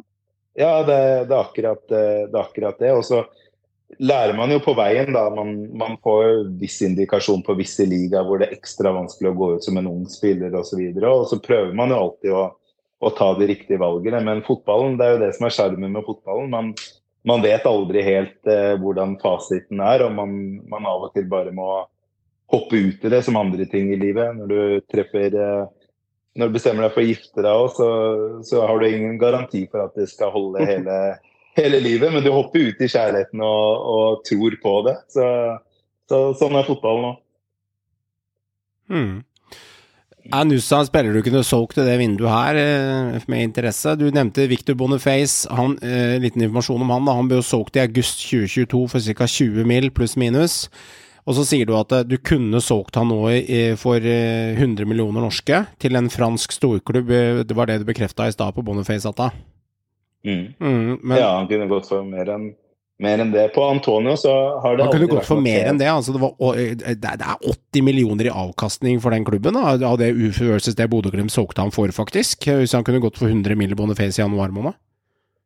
Ja, han kunne gått for mer, ja, mer enn eh, mer enn 100. Men, okay. men, eh, men det som eh, Hva skal jeg si i forhold til om Antonio Nussa også kunne gått? Jeg tror Vi har aldri vært åpne for at han skal gå nå. Han, han trenger å stabilisere seg i Klubb Brygge. Det er en fin klubb, det er et fint Mm. utviklingsmiljø. Så det har på en måte ikke vært et tema. Så selv om de enda større klubbene kontakter meg, så sier jeg bare at tiden er ikke inne for det akkurat nå. Rett og slett stell deg i kø, vent to år. Ja. Og Det som er kult med Nusa, da, med sine 17 år, 4 måneder og 27 dager, så blir han faktisk Antone Anton Nusa tidenes yngste nordmann til å score i Champions League. Og det er kun én spiller, og det er Barcelona-spilleren Ansu Fati, som har skåra ett mål og vært yngre enn det Nossa har. Så det er faktisk en utrolig kul rekord vi har. Så det er ikke bare Brautaren, det er ikke bare Martin fra, fra Løkka i Drammen. Det er ikke bare disse som vi snakker om som faktisk eh, markerer seg i Europa. Du har han her òg. Altså, han her kan bli big, liksom. Han kan bli the next shit. Altså, vi snakker 17 år gammel guttunge her. Han kan være landslagsspiller, Håvard, i ja, Kommer han inn på landslaget om et par års tid som fast inventar, så kan han bli en klassespiller på norske landslag i ti år. Altså, jeg håper jo da, eh, det må jeg si, at eh, sånne unge gutter som har så mye talent, eh, at det, det, det ikke drøyer i det lange og det breie før de faktisk blir tatt inn på Norge. For jeg mener at det er noe vi mangler, så er det jo sånne, sånne vinger. Mm. Sånne kanter, så spillere som har evne til å dra en mann. Det, det skulle jeg ønske at, at sånne typer får sjansen litt før. Og når du viser det, du, det, du, det, det de allerede har gjort Det er sikkert at eh, Nusa skal inn nå, men, men altså, vi trenger ikke å vente for lenge alltid for å ta inn sånne typer på det norske landslaget. Nei, ikke i det hele tatt. Ikke det hele tatt. Og litt kul statistikk, da, hvis du går på de ti yngste norske eh, Champions League-debutantene som har spilt i Champions League. Da leser lista raskt. Jeg gidder ikke å lese antall måneder, dager og sånne ting. For den statistikken natta, så er jo helt ned på dager og antall timer de, de har levd, for at her er det så tett.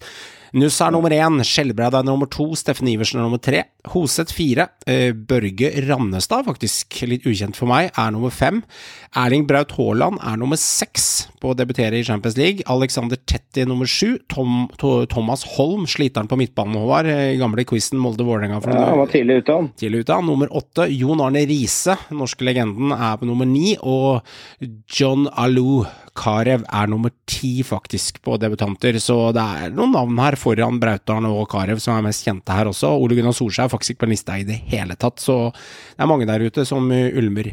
La oss bevege oss opp, karer, til norsk eliteserie, for vi er litt spente på up and coming av hva som foregår der. Og endelig, Atta! Endelig kan Vålerenga gå inn i 2023-sesongen, og så kan de si at shit, vi har to av de største talentene i Norge, og vi skal selge de for big loss money, og du skal gjøre jobben for dem. Du har Jatta og Dikko Eng i din liste. Ja. Nei, jeg tror eh, Om det var forrige gang jeg var på poden eller, eller eh, den før der igjen, jeg ble bedt om å ja, fortelle om en spiller eller to som var upcoming. Så jeg husker ikke alle jeg ramte ramset opp. Det var ikke mange, men eh, Dick og Eng var jo absolutt en jeg trakk fram, som Mm, jeg da trodde kom til å få et uh, gjennombrudd. Og det gjorde han jo. Han, eh, han spilte ikke så mye, men starta litt kamper, fikk en god del innhopp og hadde vel fire-fem eliteseriemål og ganske mange assist. Og eh, masse interesse på han nå i dag, og har vært interesse gjennom serien, eh, gjennom fjorårets sesong. Og han er en som mange øyne kommer til å være på nå i Eliteserien, og en spiller Vålerenga har store forventninger til. Så han har jo allerede fått sitt gjennombrudd, men han kan bli en virkelig, virkelig stor eksport da, etter hvert. Men først kommer han til å bli en attraksjon eh, i Eliteserien. Og så har du Jatta, som kanskje ikke har slått ut eh, i full blomst ennå, men når man på en måte klarer å knekke de kodene i forhold til han, og han knekker noen koder selv også, så har han råpotensialet der. Eh, hvis man bare klarer å få det ut, så vil det bli spennende også. Men ja, det der er to virkelig, virkelig spennende unggutter som Vålerenga har der nå. Jeg tror du Dico 1 kan bli den neste store eksporten nå? At han virkelig slår til i år og liksom tar Eliteserien med storm? At han har det i seg allerede nå? Ja, uten tvil. Jeg tror han er helt jeg det tror, tror jeg. jo han, Ja, beklager, vær så god. Nei, han har også en sånn spillestil hvor han gir alt for laget hele tiden. Han tenker ikke så mye på seg selv hele tiden og skal hele tiden briljere med å dra spillere osv. Han er en skikkelig lagspiller. Han løper hele tida. Han, han gjør den grove jobben han må gjøre eh, også.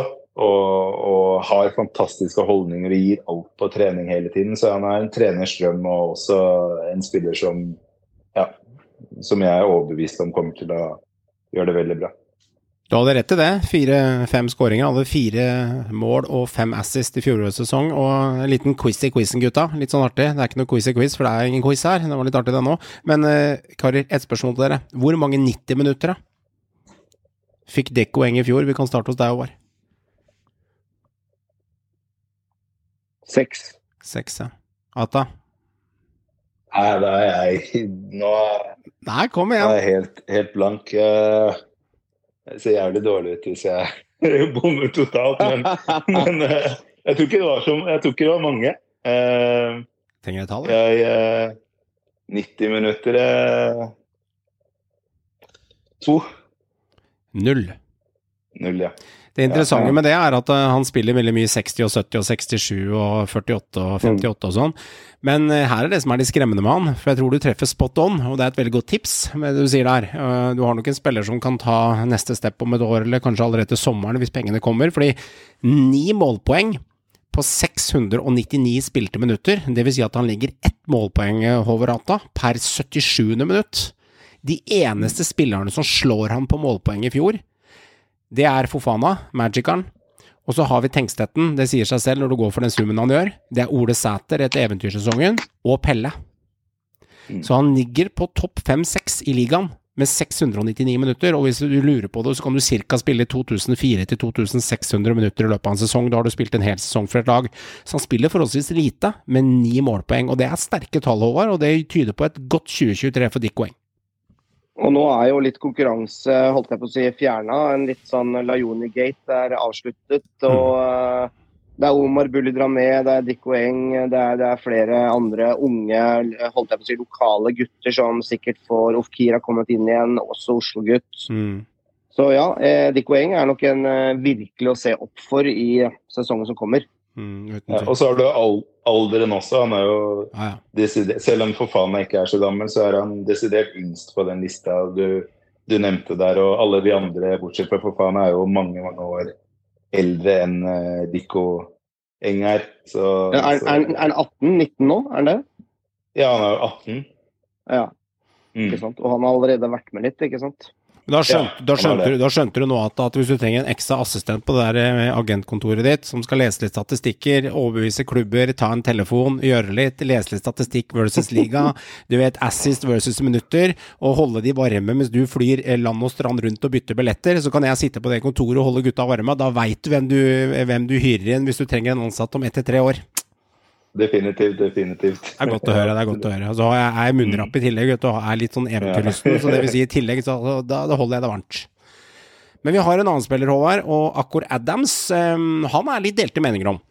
For Akkor Adams er litt sånn råmateriale. Eh, spennende spiller, kom fra Sogndal. Eh, litt blanda sesong i fjor. Kanskje litt lite målpoeng versus det vi kanskje hadde forventet av Skal ta ham. med oss at han også ble skadet.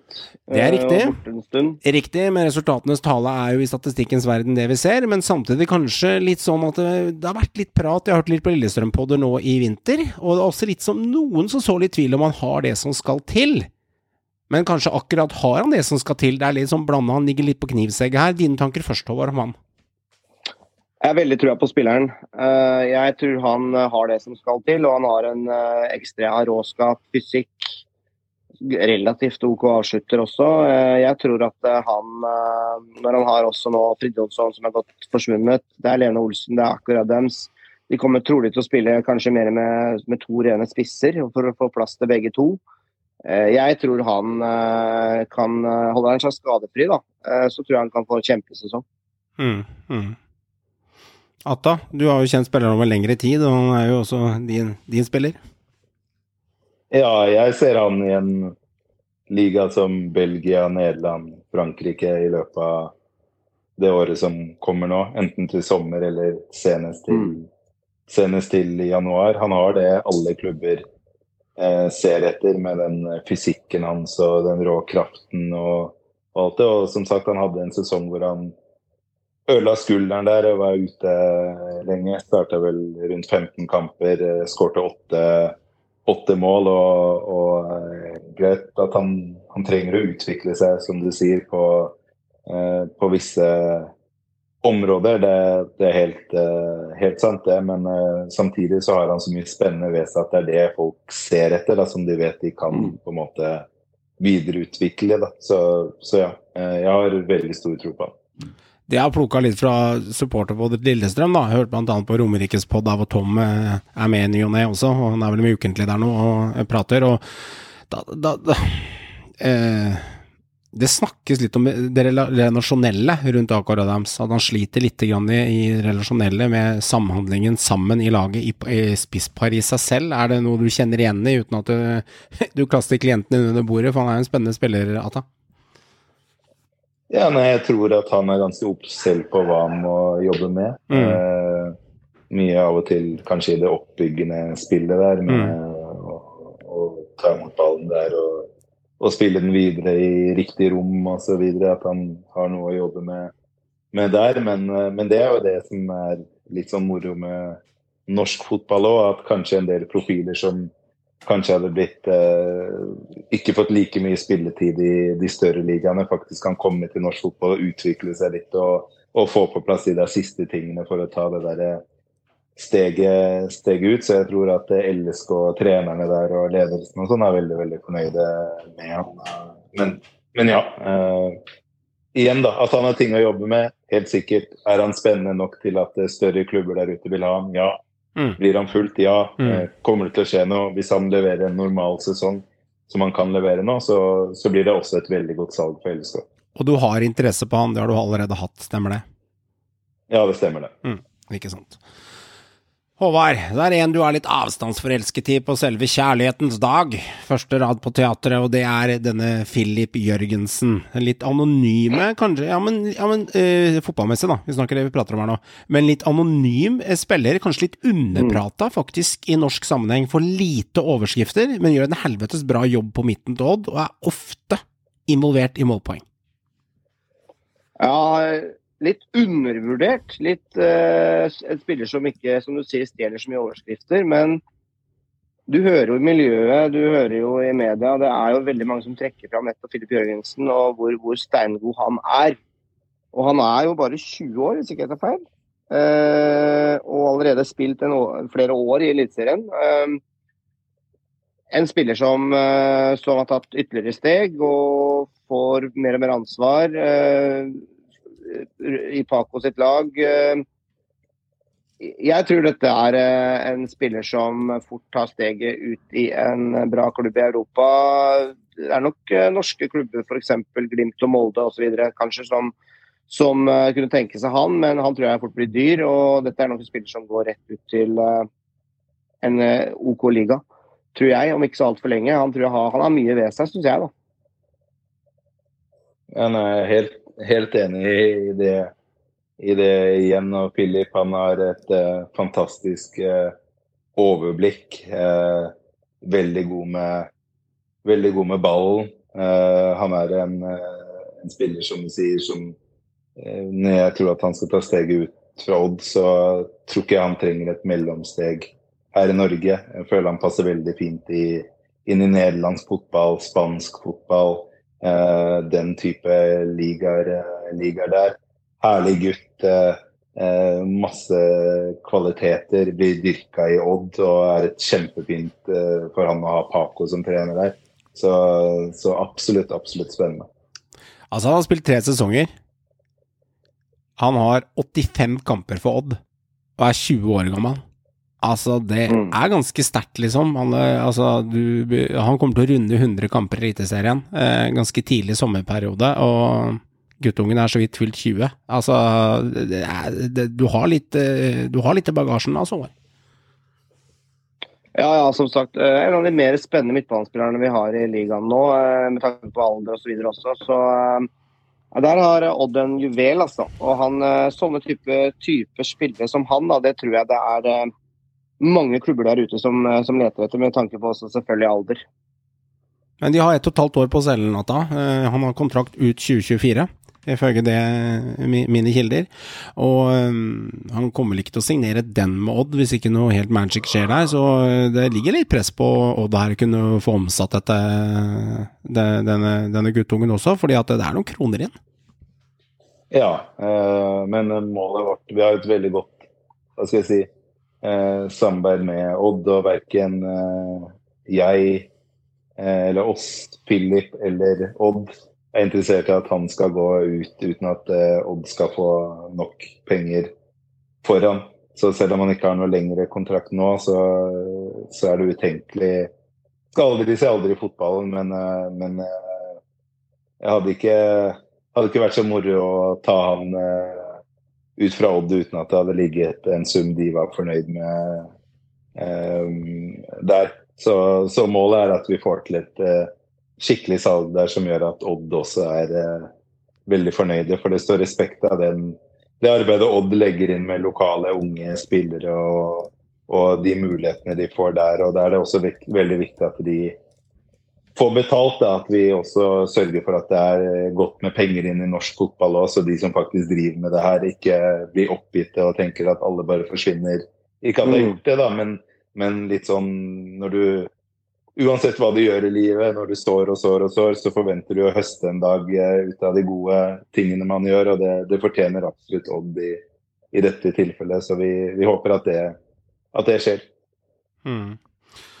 Det tok oss 1 time og 26 minutter, Håvard, før vi i hele tatt eh, nevnte ordet Rosenborg og fotballspillere i denne poden her. Eh, de har ikke så mange på lista som er i, hos deg, Atta, men du har eh, Tagesetten.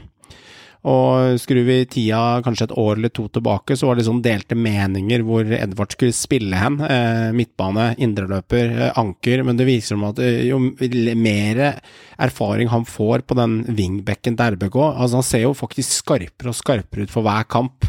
Eh, han har litt litt av touch. Jeg vet ikke om du er litt enig med meg, arrester meg gjerne, men han har, har litt sånn minimeling i seg, bare på et litt lavere nivå, sånn som jeg ser det nå. Ja, han er jo ganske ung i den posisjonen, skal man mm. si. Og han eh, Det viktigste for han er jo det å få spille kamper. Selv om han da eh, sikkert helt i starten var litt sånn, hva skal jeg si, litt eh, om, eh, omveltning, eller du må på en måte snu om og tenke på at nå ble jeg brukt i en annen posisjon enn du egentlig hadde sett for deg. Men jeg syns han har tatt til seg posisjonen ganske fint. Og han eh, trives bare med det å, å, spille, og han utvikler seg hele, hele, veien. Og igjen er litt ung i den posisjonen, så jeg, jeg, jeg syns det er gøy å se han spille nå. Og jeg syns han utvikler seg hele, hele veien. Dette er jo en spiller som, eh, som eh, holdt jeg på å si, uh, har kommet hjem med halen mellom beina. Dette er ikke ment som noe kritikk. Det er på en måte sånn som folk liker å sette i bås. Uh, mm. Som har vært i Liverpool og dro ut uh, i veldig ung alder og ble sett på som supertalent. Men altså, dette er jo unektelig en god spiller som kan få en kjempekarriere. og Det var sikkert veldig riktig for han å komme hjem i trygge omgivelser og flytte hjem holdt jeg på å si, og bygge seg opp i Rosenborg. og og Jeg tror dette er en type som kan få en kjempekarriere som, som en type offensiv back at det er kanskje hans eh, rett og slett beste posisjon som han skal dyrkes i. og Han har jo også stor konkurranse i nettopp RBK. Det er jo ikke bare å spasere inn der heller, med tanke på Adrian Pereira og, og flere der. Så, men men Tagseth har vært god, han. Uh, og jeg syns han bare tar steg, egentlig. Mm, det er veldig bra. Du har helt, helt rett i det. Mm. Er det interesse fra Tagseten? Har det vært det? Du vet, eh, Når du har gode spillere, så er det alltid noen som uh, forhører seg. Men vi har ikke vært der at det på en måte har vært så konkret at man uh, har venta et bud. Men man merker jo at det, folk får mer og mer øyne opp for ham. Og at det, når du spiller i en klubb som RBK, så er det jo speidere på hver eneste kamp som er og ser og forhører seg osv. Så, videre. så Så fokuset Det er det som er veldig fint med, med ham. da, er at Han er aldri noe interessert i å snakke om utland eller eller lurer på om det er noe interesse der osv. Han vil bare spille fotball og kose seg, og så kommer det som kommer. da. Så faktisk aldri opplevd at han har ringt og lurt på om det er noe interesse eller om det skjer noe. Han er ikke der i det hele tatt. Han, han går ikke inn på den praten der. Mm. Men skjer det? Skjer det at uh, Du har jo en 80-120 spillere der, som i hvert fall har oppført som jeg ser, men skjer det at spillere, spillere ringer og lurer eh, litt mer enn andre? Er, er, det litt sånn typisk spillere som er utålmodige, eller, eller, er det bare nysgjerrigheten hos mennesker? Mm, kombinasjon. Du har noen som absolutt eh, har lyst til å komme seg ut fortest mulig, og som ringer og lurer på om det skjer noe. som agent så tror jeg du, du de som ikke er klare, da gir du egentlig bare beskjed om at eh, du bare fokuserer på å gjøre en god jobb nå, så, så kommer det her og, og litt der. Men jeg føler press på samme måte som trenere føler press, på samme måte som idrettsutøvere eller fotballspillere føler press. Eh, når eh, jeg går inn i et vindu og jeg vet at jeg har fire, fem, seks spillere som absolutt burde kommet seg ut nå, som har gode prestasjoner. Når du har en Fofana i forrige vindu, når du har en Igo, når du har de casene der, så går du inn i vinduet og tenker at du må levere. og du du føler at folk puster deg i nakken, enten om det er andre agenter som prøver å kapre spillere, og det er spillerne som har forventninger, og omverdenen fra media til klubber og alt det forventer at du leverer, så er det jo så, så er det Du føler et press, og du har lyst til å levere. Hmm, interessant. Og hvis du omtaler deg selv nesten som en trener, da, bortsett fra at du har agenten deres og har et ansvar for dem. Eh, hvordan har det endret deg som eh, agent fra i starten, når du eh, kom opp for en 10-15 år siden og jobbet med det, versus der du sitter i dag på eh, arbeidsmetodikken din, og hvordan jobber du med deg selv da? da eh, har du noen teknikker for deg selv på, som du har lært deg med tiden? Nei, Det som er viktig å få fram, det er at jeg har et bra team. Og det er veldig viktig, for mange ganger så er det mitt navn man ser der ute som på en måte blir dratt frem i media osv. Men det er jo et par andre der som eh, både her hjemme i Norge, men også de som jobber i, i Nigeria, Elfenbenskysten med det her også, da, ikke sant? Som, som, er med. Så vi sitter jo og sparrer veldig mye og prater veldig mye om det. og du, du må ha gode folk å prate med, fordi det er jo en kan jo være en ensom jobb til tider hvis du ikke på en måte Det er ikke som om du går til en vanlig arbeidsplass med flere hundre eh, ansatte hvor du kan sitte og prate om alt eh, alle i, i lunsjen. Det her, eh, og du kan jo ikke dele alt som skjer med, med alle heller. Så for meg så har det alltid vært viktig å kunne prate med gode sparringspartnere. og og jeg går jo all in når jeg, når jeg, representerer en spiller, så er det fordi at jeg har virkelig tro på en spiller. Jeg tar jo ikke bare og signer spillere fordi at jeg eh, samler på spillere. Jeg må jo kunne ha den sulten i meg og ha det brennende ønsket om å, å, levere for de her klientene. Og hvis jeg ikke har det, så kan jeg liksom slutte hvis ikke du har den, har den sulten der. Og da, da tar jeg på meg mye ansvar. Jeg kan sove dårlig hvis jeg hvis jeg kommer inn i et vindu og jeg føler at jeg må levere på en, og jeg ikke føler at det går riktig vei, da går det inn på meg som person. Og det handler ikke om penger eller noe som helst, det handler bare om stolthet og det å kunne eh, levere da, eh, på, på, høyt nivå. Så, så, for meg så Igjen, da historien min eh, startet jo veien inn i det her via Oslo City fotballklubb og har flere tusen frivillighetstimer i fotballen. Så jeg starta aldri med det her pga. penger overhodet. Jeg starta fordi jeg elsker å drive med fotball. Jeg elsker å jobbe med mennesker, og da føler jeg at da kommer alt det andre, bare du gjør ditt beste hele veien. da. Og det er noe jeg har på en måte som motto som, eh, som står sterkt for meg. da. Og vi er glad i Rata. Vi er jo denne agenten vi er mest glad i i Fotball-Norge. Det er jo deg. Norges beste og hyggeligste agent, uten tvil. Ikke noe, det er kjempeuhyggelig. ikke sant? Og det er nesten, Man sier litt interessant hva han sier han kommer ikke ned pga. pengene, han kommer inn pga. kjærligheten for ball, han kommer inn, og så har det eskalert etter hvert, og så tar han step by step. Det er nesten sånn som meg og deg som har bachelor i synsing. Bare på et annet nivå. Ikke sant? på et litt annet nivå. Ja ja, men vi er en del av, vi er en del av vi er en del av en brikke, vi òg. Og se på det vakre øyeblikket her. Nå sitter vi på valentinsdag, kjærlighetens dag Agenten sitter her oppe, ikke sant, høy og mørk og alt er flott og selger spillere for gode summer, og vi sitter nede på grasrotnivå og leverer da en pod til av fans, for fans, og de møtes liksom, imellom her ligger spillere, frustrasjon, klubber, omsetning, god økonomi, dårlig økonomi, sinte fans, glade fans, mellom her er det masse, over, men det er et bindeledd her, Håvard. Det er det. Og det, det, er jo det vi elsker med denne idretten. Det er jo, det er fotball og, og, alt som det innebærer. Og det ligger jo i, i, bunnen hos alle som driver med det her, tror jeg. Mm, mm, det er det.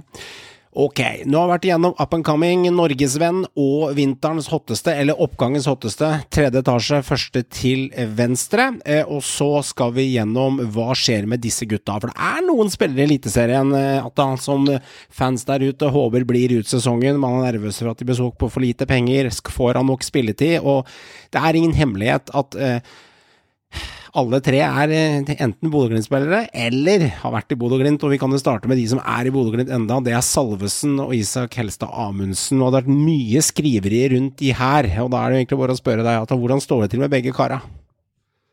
Ja, Salvesen det har jo ikke gått helt sånn som vi har håpa det skulle gå i, i Glimt. Og det har jo ikke vært eh, noe hemmelighet at eh, han hadde mulighet til å gå til Viking og valgte å bli for å kjempe om plassen her. Mhm. Så bare se hva som skjer, om han blir ut vinduet nå, eh, som vi egentlig har tatt et valg eh, om at han skal. Men så får vi se nå. Og, og han er jo nødt til å spille, men om han da Det har jo skjedd meg flere ganger at vi har fått de beskjedene fra klubber, eller, og så har det endra seg på én kamp, hvor spilleren plutselig alt er snudd eh, på hodet, og spilleren blir en stor suksess, og, og man, man ler av det som har skjedd tidligere. Så det er det vi håper på i forhold til Salvesen, men han kan jo ikke gå lenge nå uten å, å spille, det, det er helt sikkert eh, når det gjelder Salvesen. Men det må jo ha sittet langt inne, det har han vel egentlig innrømma sjøl opp i intervju, og sagt nei til Viking. For han var jo på en måte forespeila å være nummer én der, og, og de ville jo virkelig ha han. Og de jobba lenge med casen, som i hvert fall skjønte på, på Erik Nevland, og, og klubbene var enige osv. Det, må jo sitte langt inne og plutselig takke nei også, og bare, bare bli værende. Og så vet du at du på en måte er bak i leksa da, i forhold til å starte. Ja, nei, Det er ikke lett i det, i det hele tatt. eh, og han brukte jo lang tid på å ta, ta det valget også. Eh, så husk på at han da har eh, bare for ikke mange måneder siden tatt med seg samboer, og hun har fått seg ny jobb oppe i Bodø, og han har kjøpt leilighet i Bodø og litt sånn. Og, og det ligger jo ikke i hans natur egentlig å gi opp etter eh, fem-seks måneder. Så, så det sitter langt inne, men så er det mange hensyn man må må ta òg. Og så får vi bare se nå fram til uh, sommer og se hva som, hva som skjer. Men, uh, men det er ikke lett. Da. Det er, igjen, det er ikke noe fasit, og det er vanskelige vurderinger. eh, og eh, man må alle har meninger om det osv. Og, så videre, og man endrer egentlig fra dag til dag. Og sånne situasjoner som det er det litt vanskelig som agent å på en måte gi råd. Eh, vi er ikke noen orakler, vi òg. vi prøver å gi råd etter, etter det vi Vår erfaring og, og man snakker jo mye med spillere nå, men det har vært vanskelig. Det har vært en kjempevanskelig case der. Så vi får ja, eh, bare håpe at det blir bra for Lars Jørgen etter hvert, for det, det fortjener han. Aleis, mitt navn er Adrian Nilsen Preira. Hvis du har lyst til å følge meg og de andre spillerne i ligaen, så må du følge med på Synseligaen. Av fans for fans. Mm.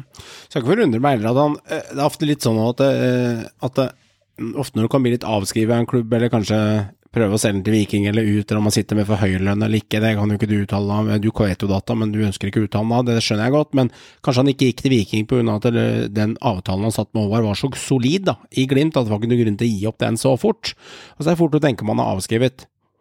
Men det kan også være den spissen i 2023 som man tror er død og begravet over, og så viser det seg at han får mer tillit enn man tror, så kan han få en kjempesesong i nord i 2023.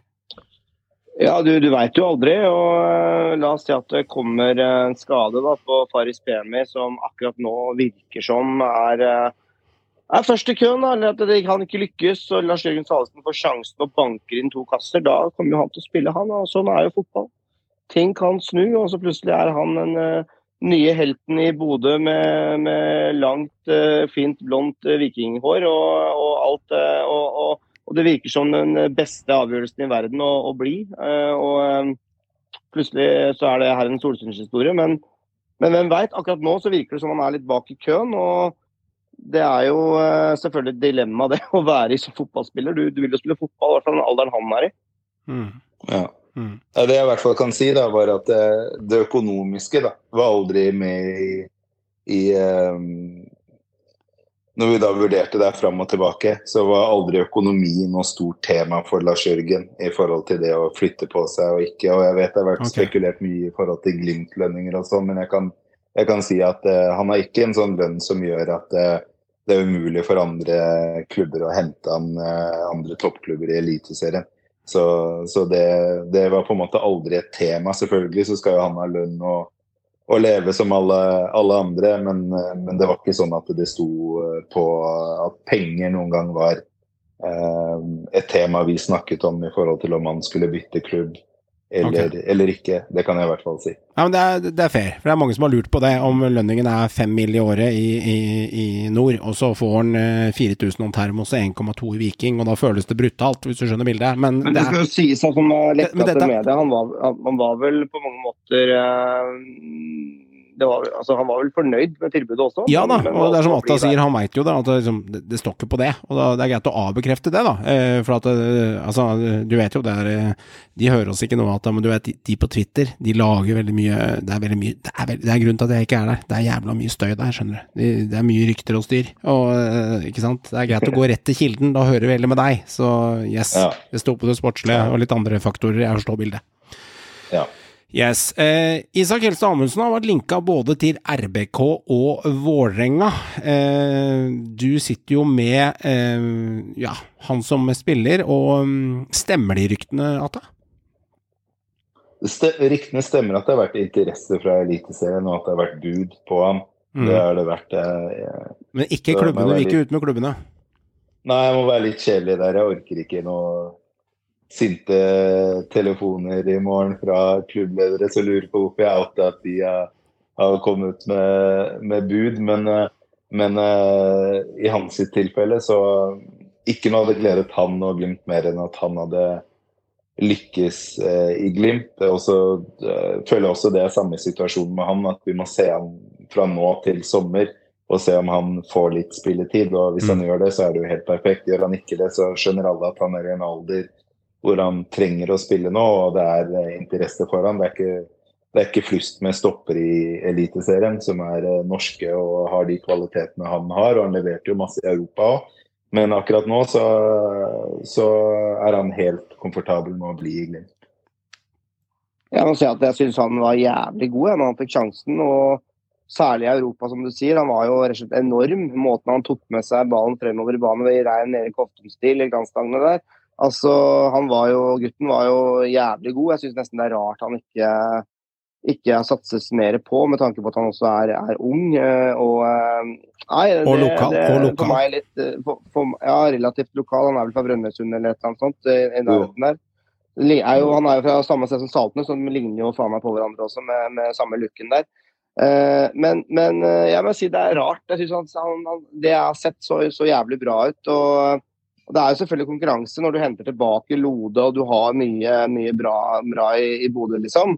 Og nå er jo Bjørtuft henta også, og han er ikke fornøyd med å sitte på benken, selvfølgelig. Så det er jo en vanvittig kamp på stoppeplass.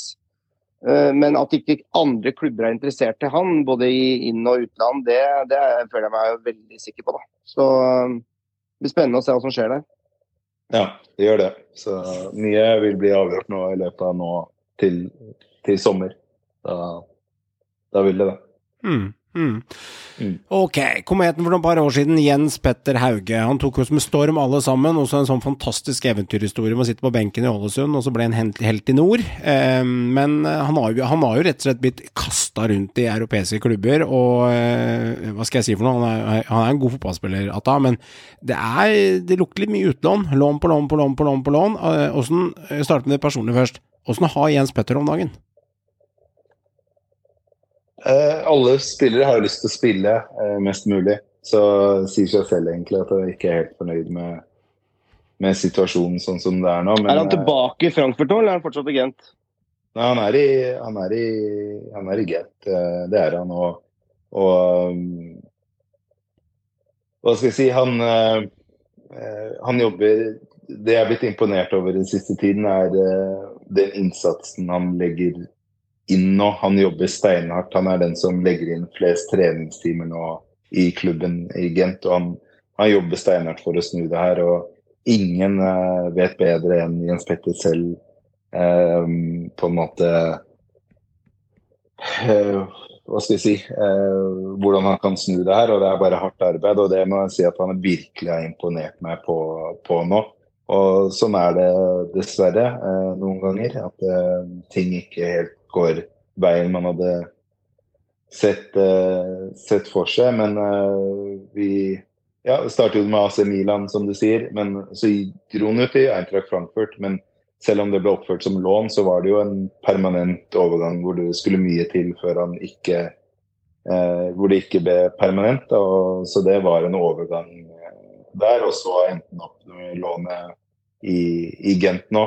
Eh, så, så selv om han har hatt noen klubbbytter nå, et par stykker etter Milan, så, så, så håper og tror vi at uh, de skal stabilisere seg fra, fra sommeren av. Men, men, selvfølgelig, da. Det sier seg selv at uh, verken han er fornøyd eller vi er fornøyde med at han ikke spiller så mye som vi hadde håpet på. Og så får vi bare Eneste du kan gjøre, er å brette opp ermene og, og, jobbe steinhardt. Og den, den, skal han ha. Det har han virkelig, virkelig gjort. Jeg så det var rykter om uh, bytte rett før deadline day der. Var det, var det nærme? Uh, det er kanskje ikke du kan si, men uh, det var nevnt Groningen bl.a. Uh, som også har en veldig sånn, norsk link da, med, med, med flere, mange spillere, bl.a. i HV nå, som dro nylig. og En klubb som sleit, sliter i, i Nederland, men, men som er, er, kjent for å hente norske spillere. Var det nære på at det skjedde noe? Ja, det var nære på at det skjedde noe, men samtidig også kan tenke deg hvor viktig det er for oss nå at det, det neste steget, mm. om det skal bli et steg, da. Uh, han er jo Eintracht Frankfurt-spiller flere år igjen der, så målet vårt nå er bare at han skal tilbake til Frankfurt etter at lånet er ferdig, og, og, ta en plass der. Det er det som er det ultimale, mm. ultimate målet, men vi har ikke lagd en sånn plan, plan B, fordi at det, vi mener at så lenge han jobber steinhardt nå, så er han god nok. Og hvis du hele tiden driver og lager plan B og C da mm. har du kanskje ikke riktig fokus. Da må bare ha det fokuset at vi skal lykkes eh, nå. Og, og, eh, og, det er på en måte målet. Og, og, da, hvis vi bare hadde byttet klubb for å bytte klubb nå i forrige vindu, og da tråkket feil da, da hadde det vært katastrofalt for karrieren eh, hans. Men Jens Petter er en spiller jeg er utrolig glad i, både som person og, og som spiller. Og, og på meg òg, så er ikke jeg happy heller når det ikke går på skinner for, for han. Da, da, lider jeg eh, med, han, eh, med han også. Mm. Kanskje han dra, kan dra litt nytte av gift i kommende tiden?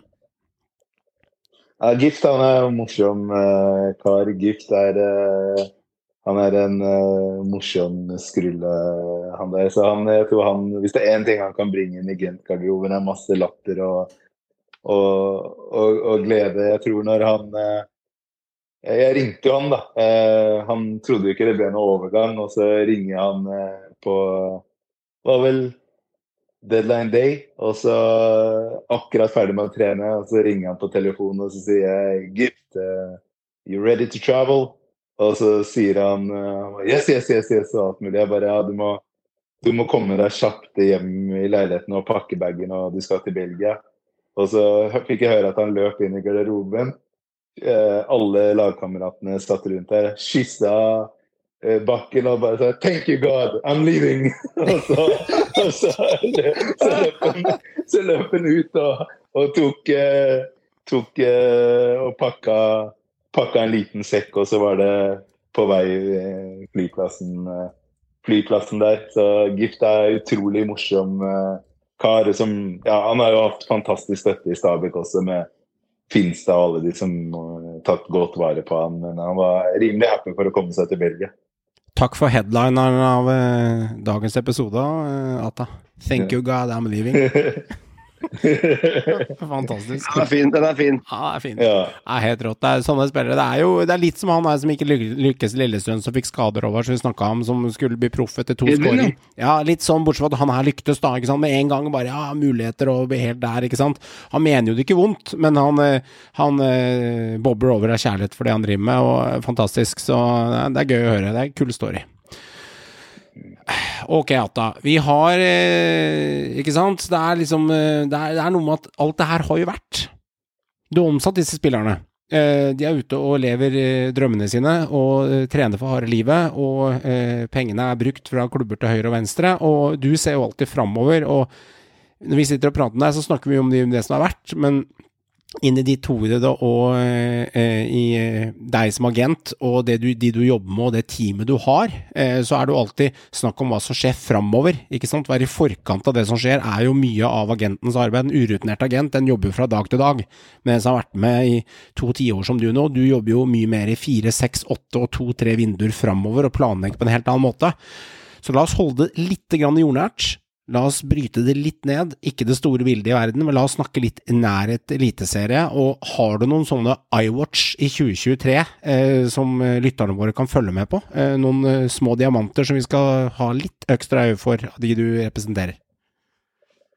Ja, du har, eh, du har flere. Eh, men hvis jeg måtte trekke fram noen, så, så ville jeg sagt eh, Daniel Skårud. Eh, kjempeung spiller. 2007-gutt. Mm. Eh, bare tenke på uh, Man blir gammel når uh, spillere som er på 2007 som spiller i Eliteserien. Det er jo sjukt. Hvor gammel er han da? Ja, Tolv det er- år, eller? 15-16? Ja, ja, han er det. Så, og han, eh, han er 15 nå, fyller 16 senere i år, og skårte nå for LSK i treningsmatchen eh, nå. Jeg lurer på om det var mot eh, HamKam. Mm. Um, og han, eh, han har noe spesielt ved seg og vært på besøk hos Ajax allerede, og storklubbene ute i Europa eh, er på der. Men eh, der har jeg vært rolig og har signert proffkontrakt med, med LSK. Og han får forespørsel på han hele tiden. og Han er, han er virkelig en Det er ikke sikkert at Han er jo såpass ung at man vet ikke hvor mye han kommer til å spille i, i Eliteserien nå i år, men absolutt en å se opp for for framtiden. Mm, mm. Da blir Jørn Brunstrøm Da blir han fornøyd, Håvard, når han får seg et litt av Lillestrøm-talent her som blir heist fram. Oh yes. Det er viktig. Åssen type, åssen type spiller er han? Kan du beskrive han for oss? Ja, han er kantspiller. Han uh, har ut, faktisk blitt uh, mye sterkere nå, utviklet fysikken litt også i den senere tiden. Det er jo masse utvikling nå. Eh, eh, teknisk, eh, bra fart, flink til å utfordre. En herlig, herlig spiller. Så han er, eh, han er veldig, veldig spennende. Og så har du en eh, Tevelde eh, som er eh, 06 og spiller på Odd som ble lagt merke til i Eliteserien sånn helt på slutten i, i fjor. Start, spilte bl.a. mot LSK, hadde ble vel eh, regnet som assist til slutt der, for han traff en annen spiller før den gikk i mål. Men han er også veldig veldig spennende. Storspiller på Ingrids landslag nå. En eh, telemarksgutt der som har gått gravende gravene der.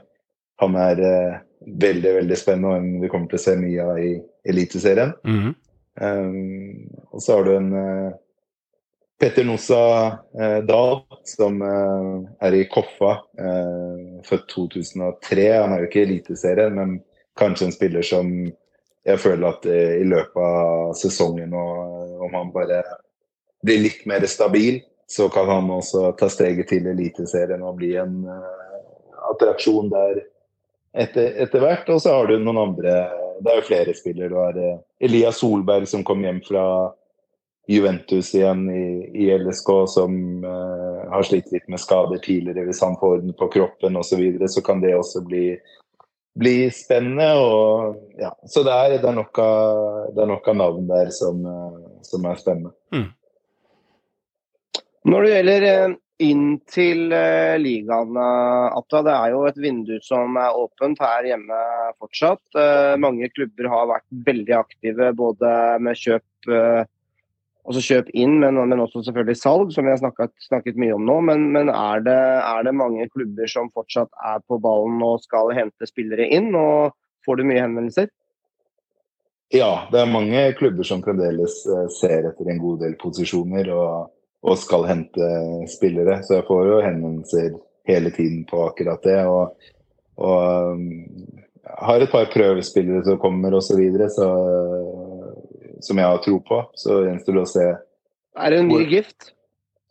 Ja, jeg, jeg håper det. Jeg har en spennende spiller som kommer til Stabæk på prøvespill, og en angrepsspiller eh, med, god fart og, og styrke, og, og, som jeg tror kan, kan bli veldig bra. Men, eh, men igjen, da. eh, Det gjenstår å, å se.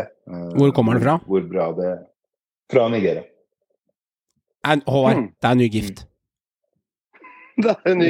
Altså, uh, så, ø, Altså, når vi snakker om et år, Ja. da er den solgt for 50 mill. altså du, du, tenker, du har ikke lyst til å avsløre navnet, skjønner jeg? Nei, vi får, vi får bare la han komme nå først, og så får vi Så, så dere øya mine, gutta? Han har en kraftpakke, og han er rask. Og så hørte jeg som bare Ja, jeg slapp av. Og så hørte jeg bare Det er funny. Så hørte jeg bare Ja, jeg slapp av. Sikkert en, sikkert en annen surespiller.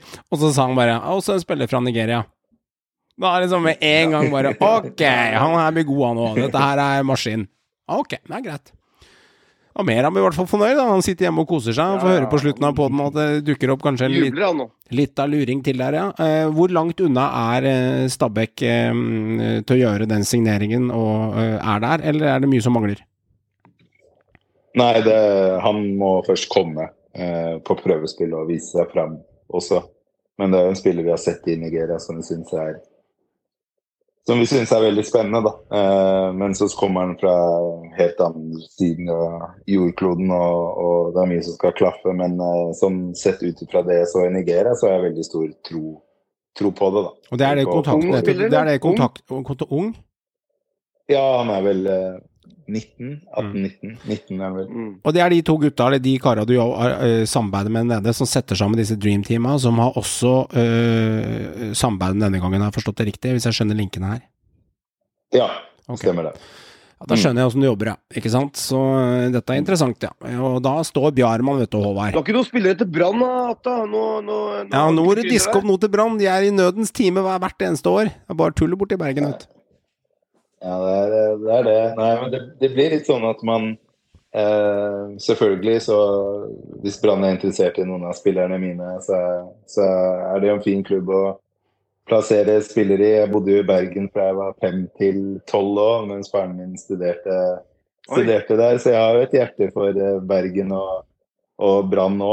Men eh, det blir jo litt sånn at du kanskje har flere spillere i visse klubber fordi du har Mm.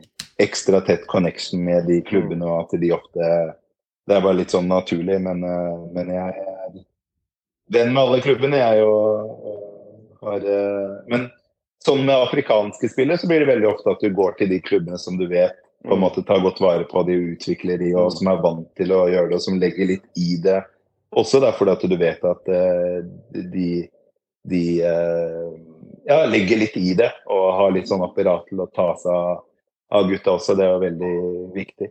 Mm. Og det var jo en periode at eh, bare for, for å skyte inn eh, Brann, det var jo en periode og for en del år tilbake at det var jo flere suksesshistorier med, med, med nigerianske spillere, og i hvert fall da Sergi Olufiniana. Da. Eh, Han var jo eh, legende der eh, og fikk en kjempekarriere. Så det er jo vært afrikanere i Brann og Bergen også, men eh, det, det er vel eh, det berømte Kim Ojo som er, eh, er eh, sistemann, Kim, ass. eh, tror jeg. Som i hvert fall fikk Det er legende. Oi, oi, oi. Han er, men han er ordentlig Men legende. Uh, han er Det er, det er type. Uh, men, uh, men får håpe på en ny uh, afrikaner til Brann snart. Det hadde vært, det hadde vært klasse. Mm. Jeg kommer ikke over den der, jeg kommer ikke over den der vaske garderoben og dassen til, med Kim Ojo i Nybergsund. Da må du være med å bidra og gjøre sånn. Det er, det er, så, det er, så syke story Altså altså. Det intervjuet med Kim Ocho der, det er, det er legend. Altså. Det Ja, det eneste som kanskje måler seg i norsk sammenheng eh, Det er Jeg ler. Det er også et Brann-intervju. Eh. Vidar Riseth, Vid- Gylfi Einarsson. Gylfi Andersson og Vidar Riseth med 52 plukk opp når Vidar Riseth mister det og tar over hele intervjuet når Gylfi bare står der. Det er det eneste intervjuet som kanskje er i nærheten av Kim Ojos intervju, og begge er et Brann-intervju over. Ja, det var Gylfi som skulle bli intervjua, og så stjal Vidar Riseth hele intervjuet der. Og han mister det. Nei, ja, vi har, han mister det totalt. Ja, det er mye gullkorn. Det er bare å søke opp, kjære lytter. På YouTube ligger det mye fint fra Eliteserien opp gjennom morgen, altså. Ja, de to klippa er helt legendariske. Fantastiske klipp. Jeg, jeg digger de klippa der, altså. Det er, det er mye moro. Jeg har vært igjennom eh, mye her, Atta. Det er vinterens hotteste. Norgesvenn, up and coming. Hva skjer med disse gutta og Atta sine iWatch for 2023? Jeg har vært igjennom eh, ja, skal vi begynne nærme oss ca. 20 spillere vi har snakka om, og eh, det er en god miks. Og det er alltid en glede å ha deg med i poden, og mm, ja, det er fantastisk. Og eh, vi er jo rett ved planka, Håvard. til å sparke i gang 2023-sesongen, og den er det Bodø-Glimt som skal sparke i gang, og de skal få et europaeventyr til torsdag klokka kvart på sky på Aspmyra. Da mottar de eh, Lech Poznan oppe i nord. Da smeller vi i gang. Og uh, disse kampene i Europa er jo selvfølgelig viktige for Glimt uh, som klubb og lag, men, men også viktig for norsk fotball eh, med tanke på den eh, rankingen og eventuelle da Champions League, flere Champions League-plasser og flere plasser i, i, i, Europa. Og det er veldig veldig viktig å holde den 15.-plassen. Det, det, er ekstremt viktig. Og, og, men ikke minst med tanke på Glimt og hvordan de har satsa nå. Hvordan de har um, bygd uh, klubb og lag inn mot denne sesongen og ønsker selvfølgelig å ta seg videre. men de er jo ikke sesong, og det er jo Lech Poznan. De er jo midt i sesong i Polen, ligger på tredjeplass i polsk liga nå med med eliteseriekjenningen Kristoffer Welde på laget. Eh, litt usikker på hvor viktig han er, men han er i hvert fall i klubben og har vel spilt en del kamper. Eh, det er jo en svenske Isak, eh, ikke Alexander Isak, men en annen Mikael Isak, som er kaptein og kanskje stjerna på laget der. Eh, men en habil polsk klubb skal ikke kimse av polsk liga heller. Det er ikke noe, det er ræva liga, liga.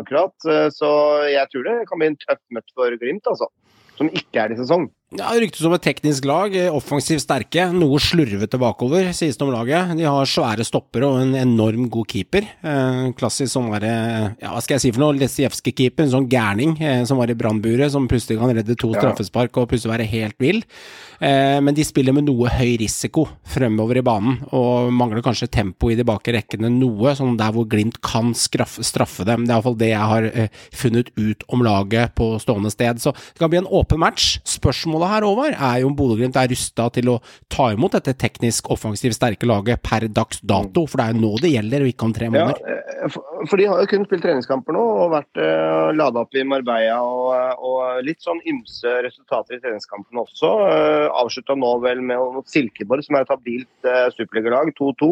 Mm. Uh, det var visst bedring, men også gått på litt, litt ikke bare heldige kamper nå i vinter, naturlig nok. Og mye mye nytt hos Glimt. og Får ikke registrert eh, alle de nye, det er kun tre. og Hugo er ute første matchen nå med, med karantene. Så um, blir, det blir veldig spennende, men jeg gleder meg fryktelig til å se norsk, norske lag igjen. Og ikke minst Europa kommer til å være fullsatt. Aspmyra kommer til å være svinkaldt.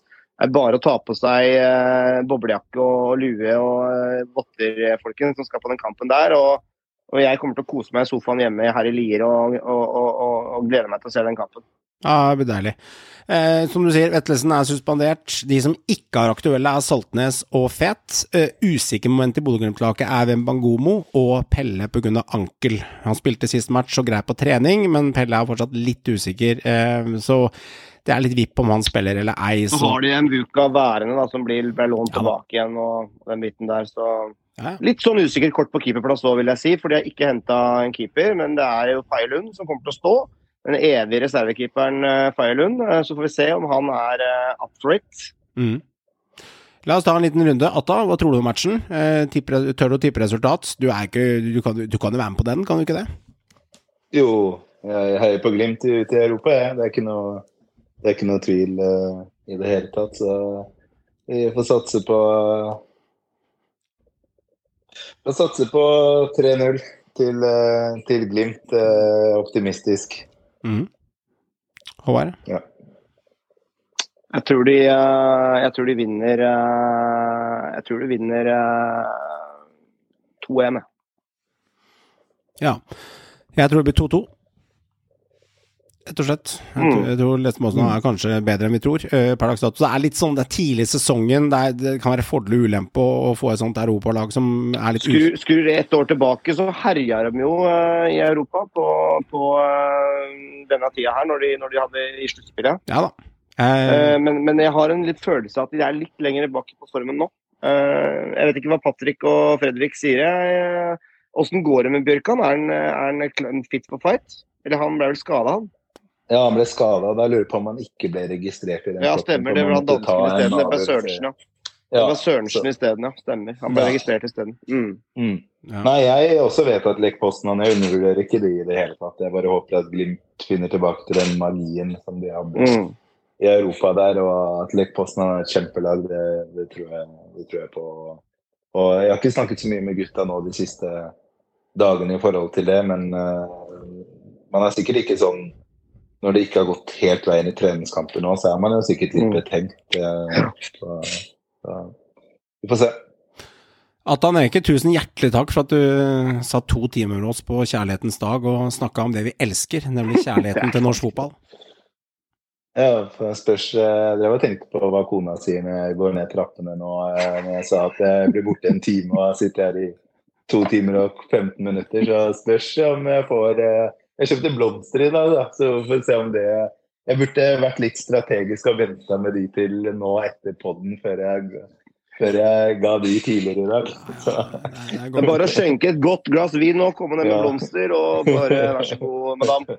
Nei, godt, å høre. Da ser alle hvor kjærligheten vår ligger til oss tre, og det er til norsk fotball. Vi, vi velger det, ikke sant? Og det, det, tyder bra for 2023-karer. Og tusen hjertelig takk til deg, lytter, som lytter til Synsligaen. Spør oss gjerne i sosiale medier. Og Håvard kan du snakke med på Twitter, og Meran kan du prate med på Instagram.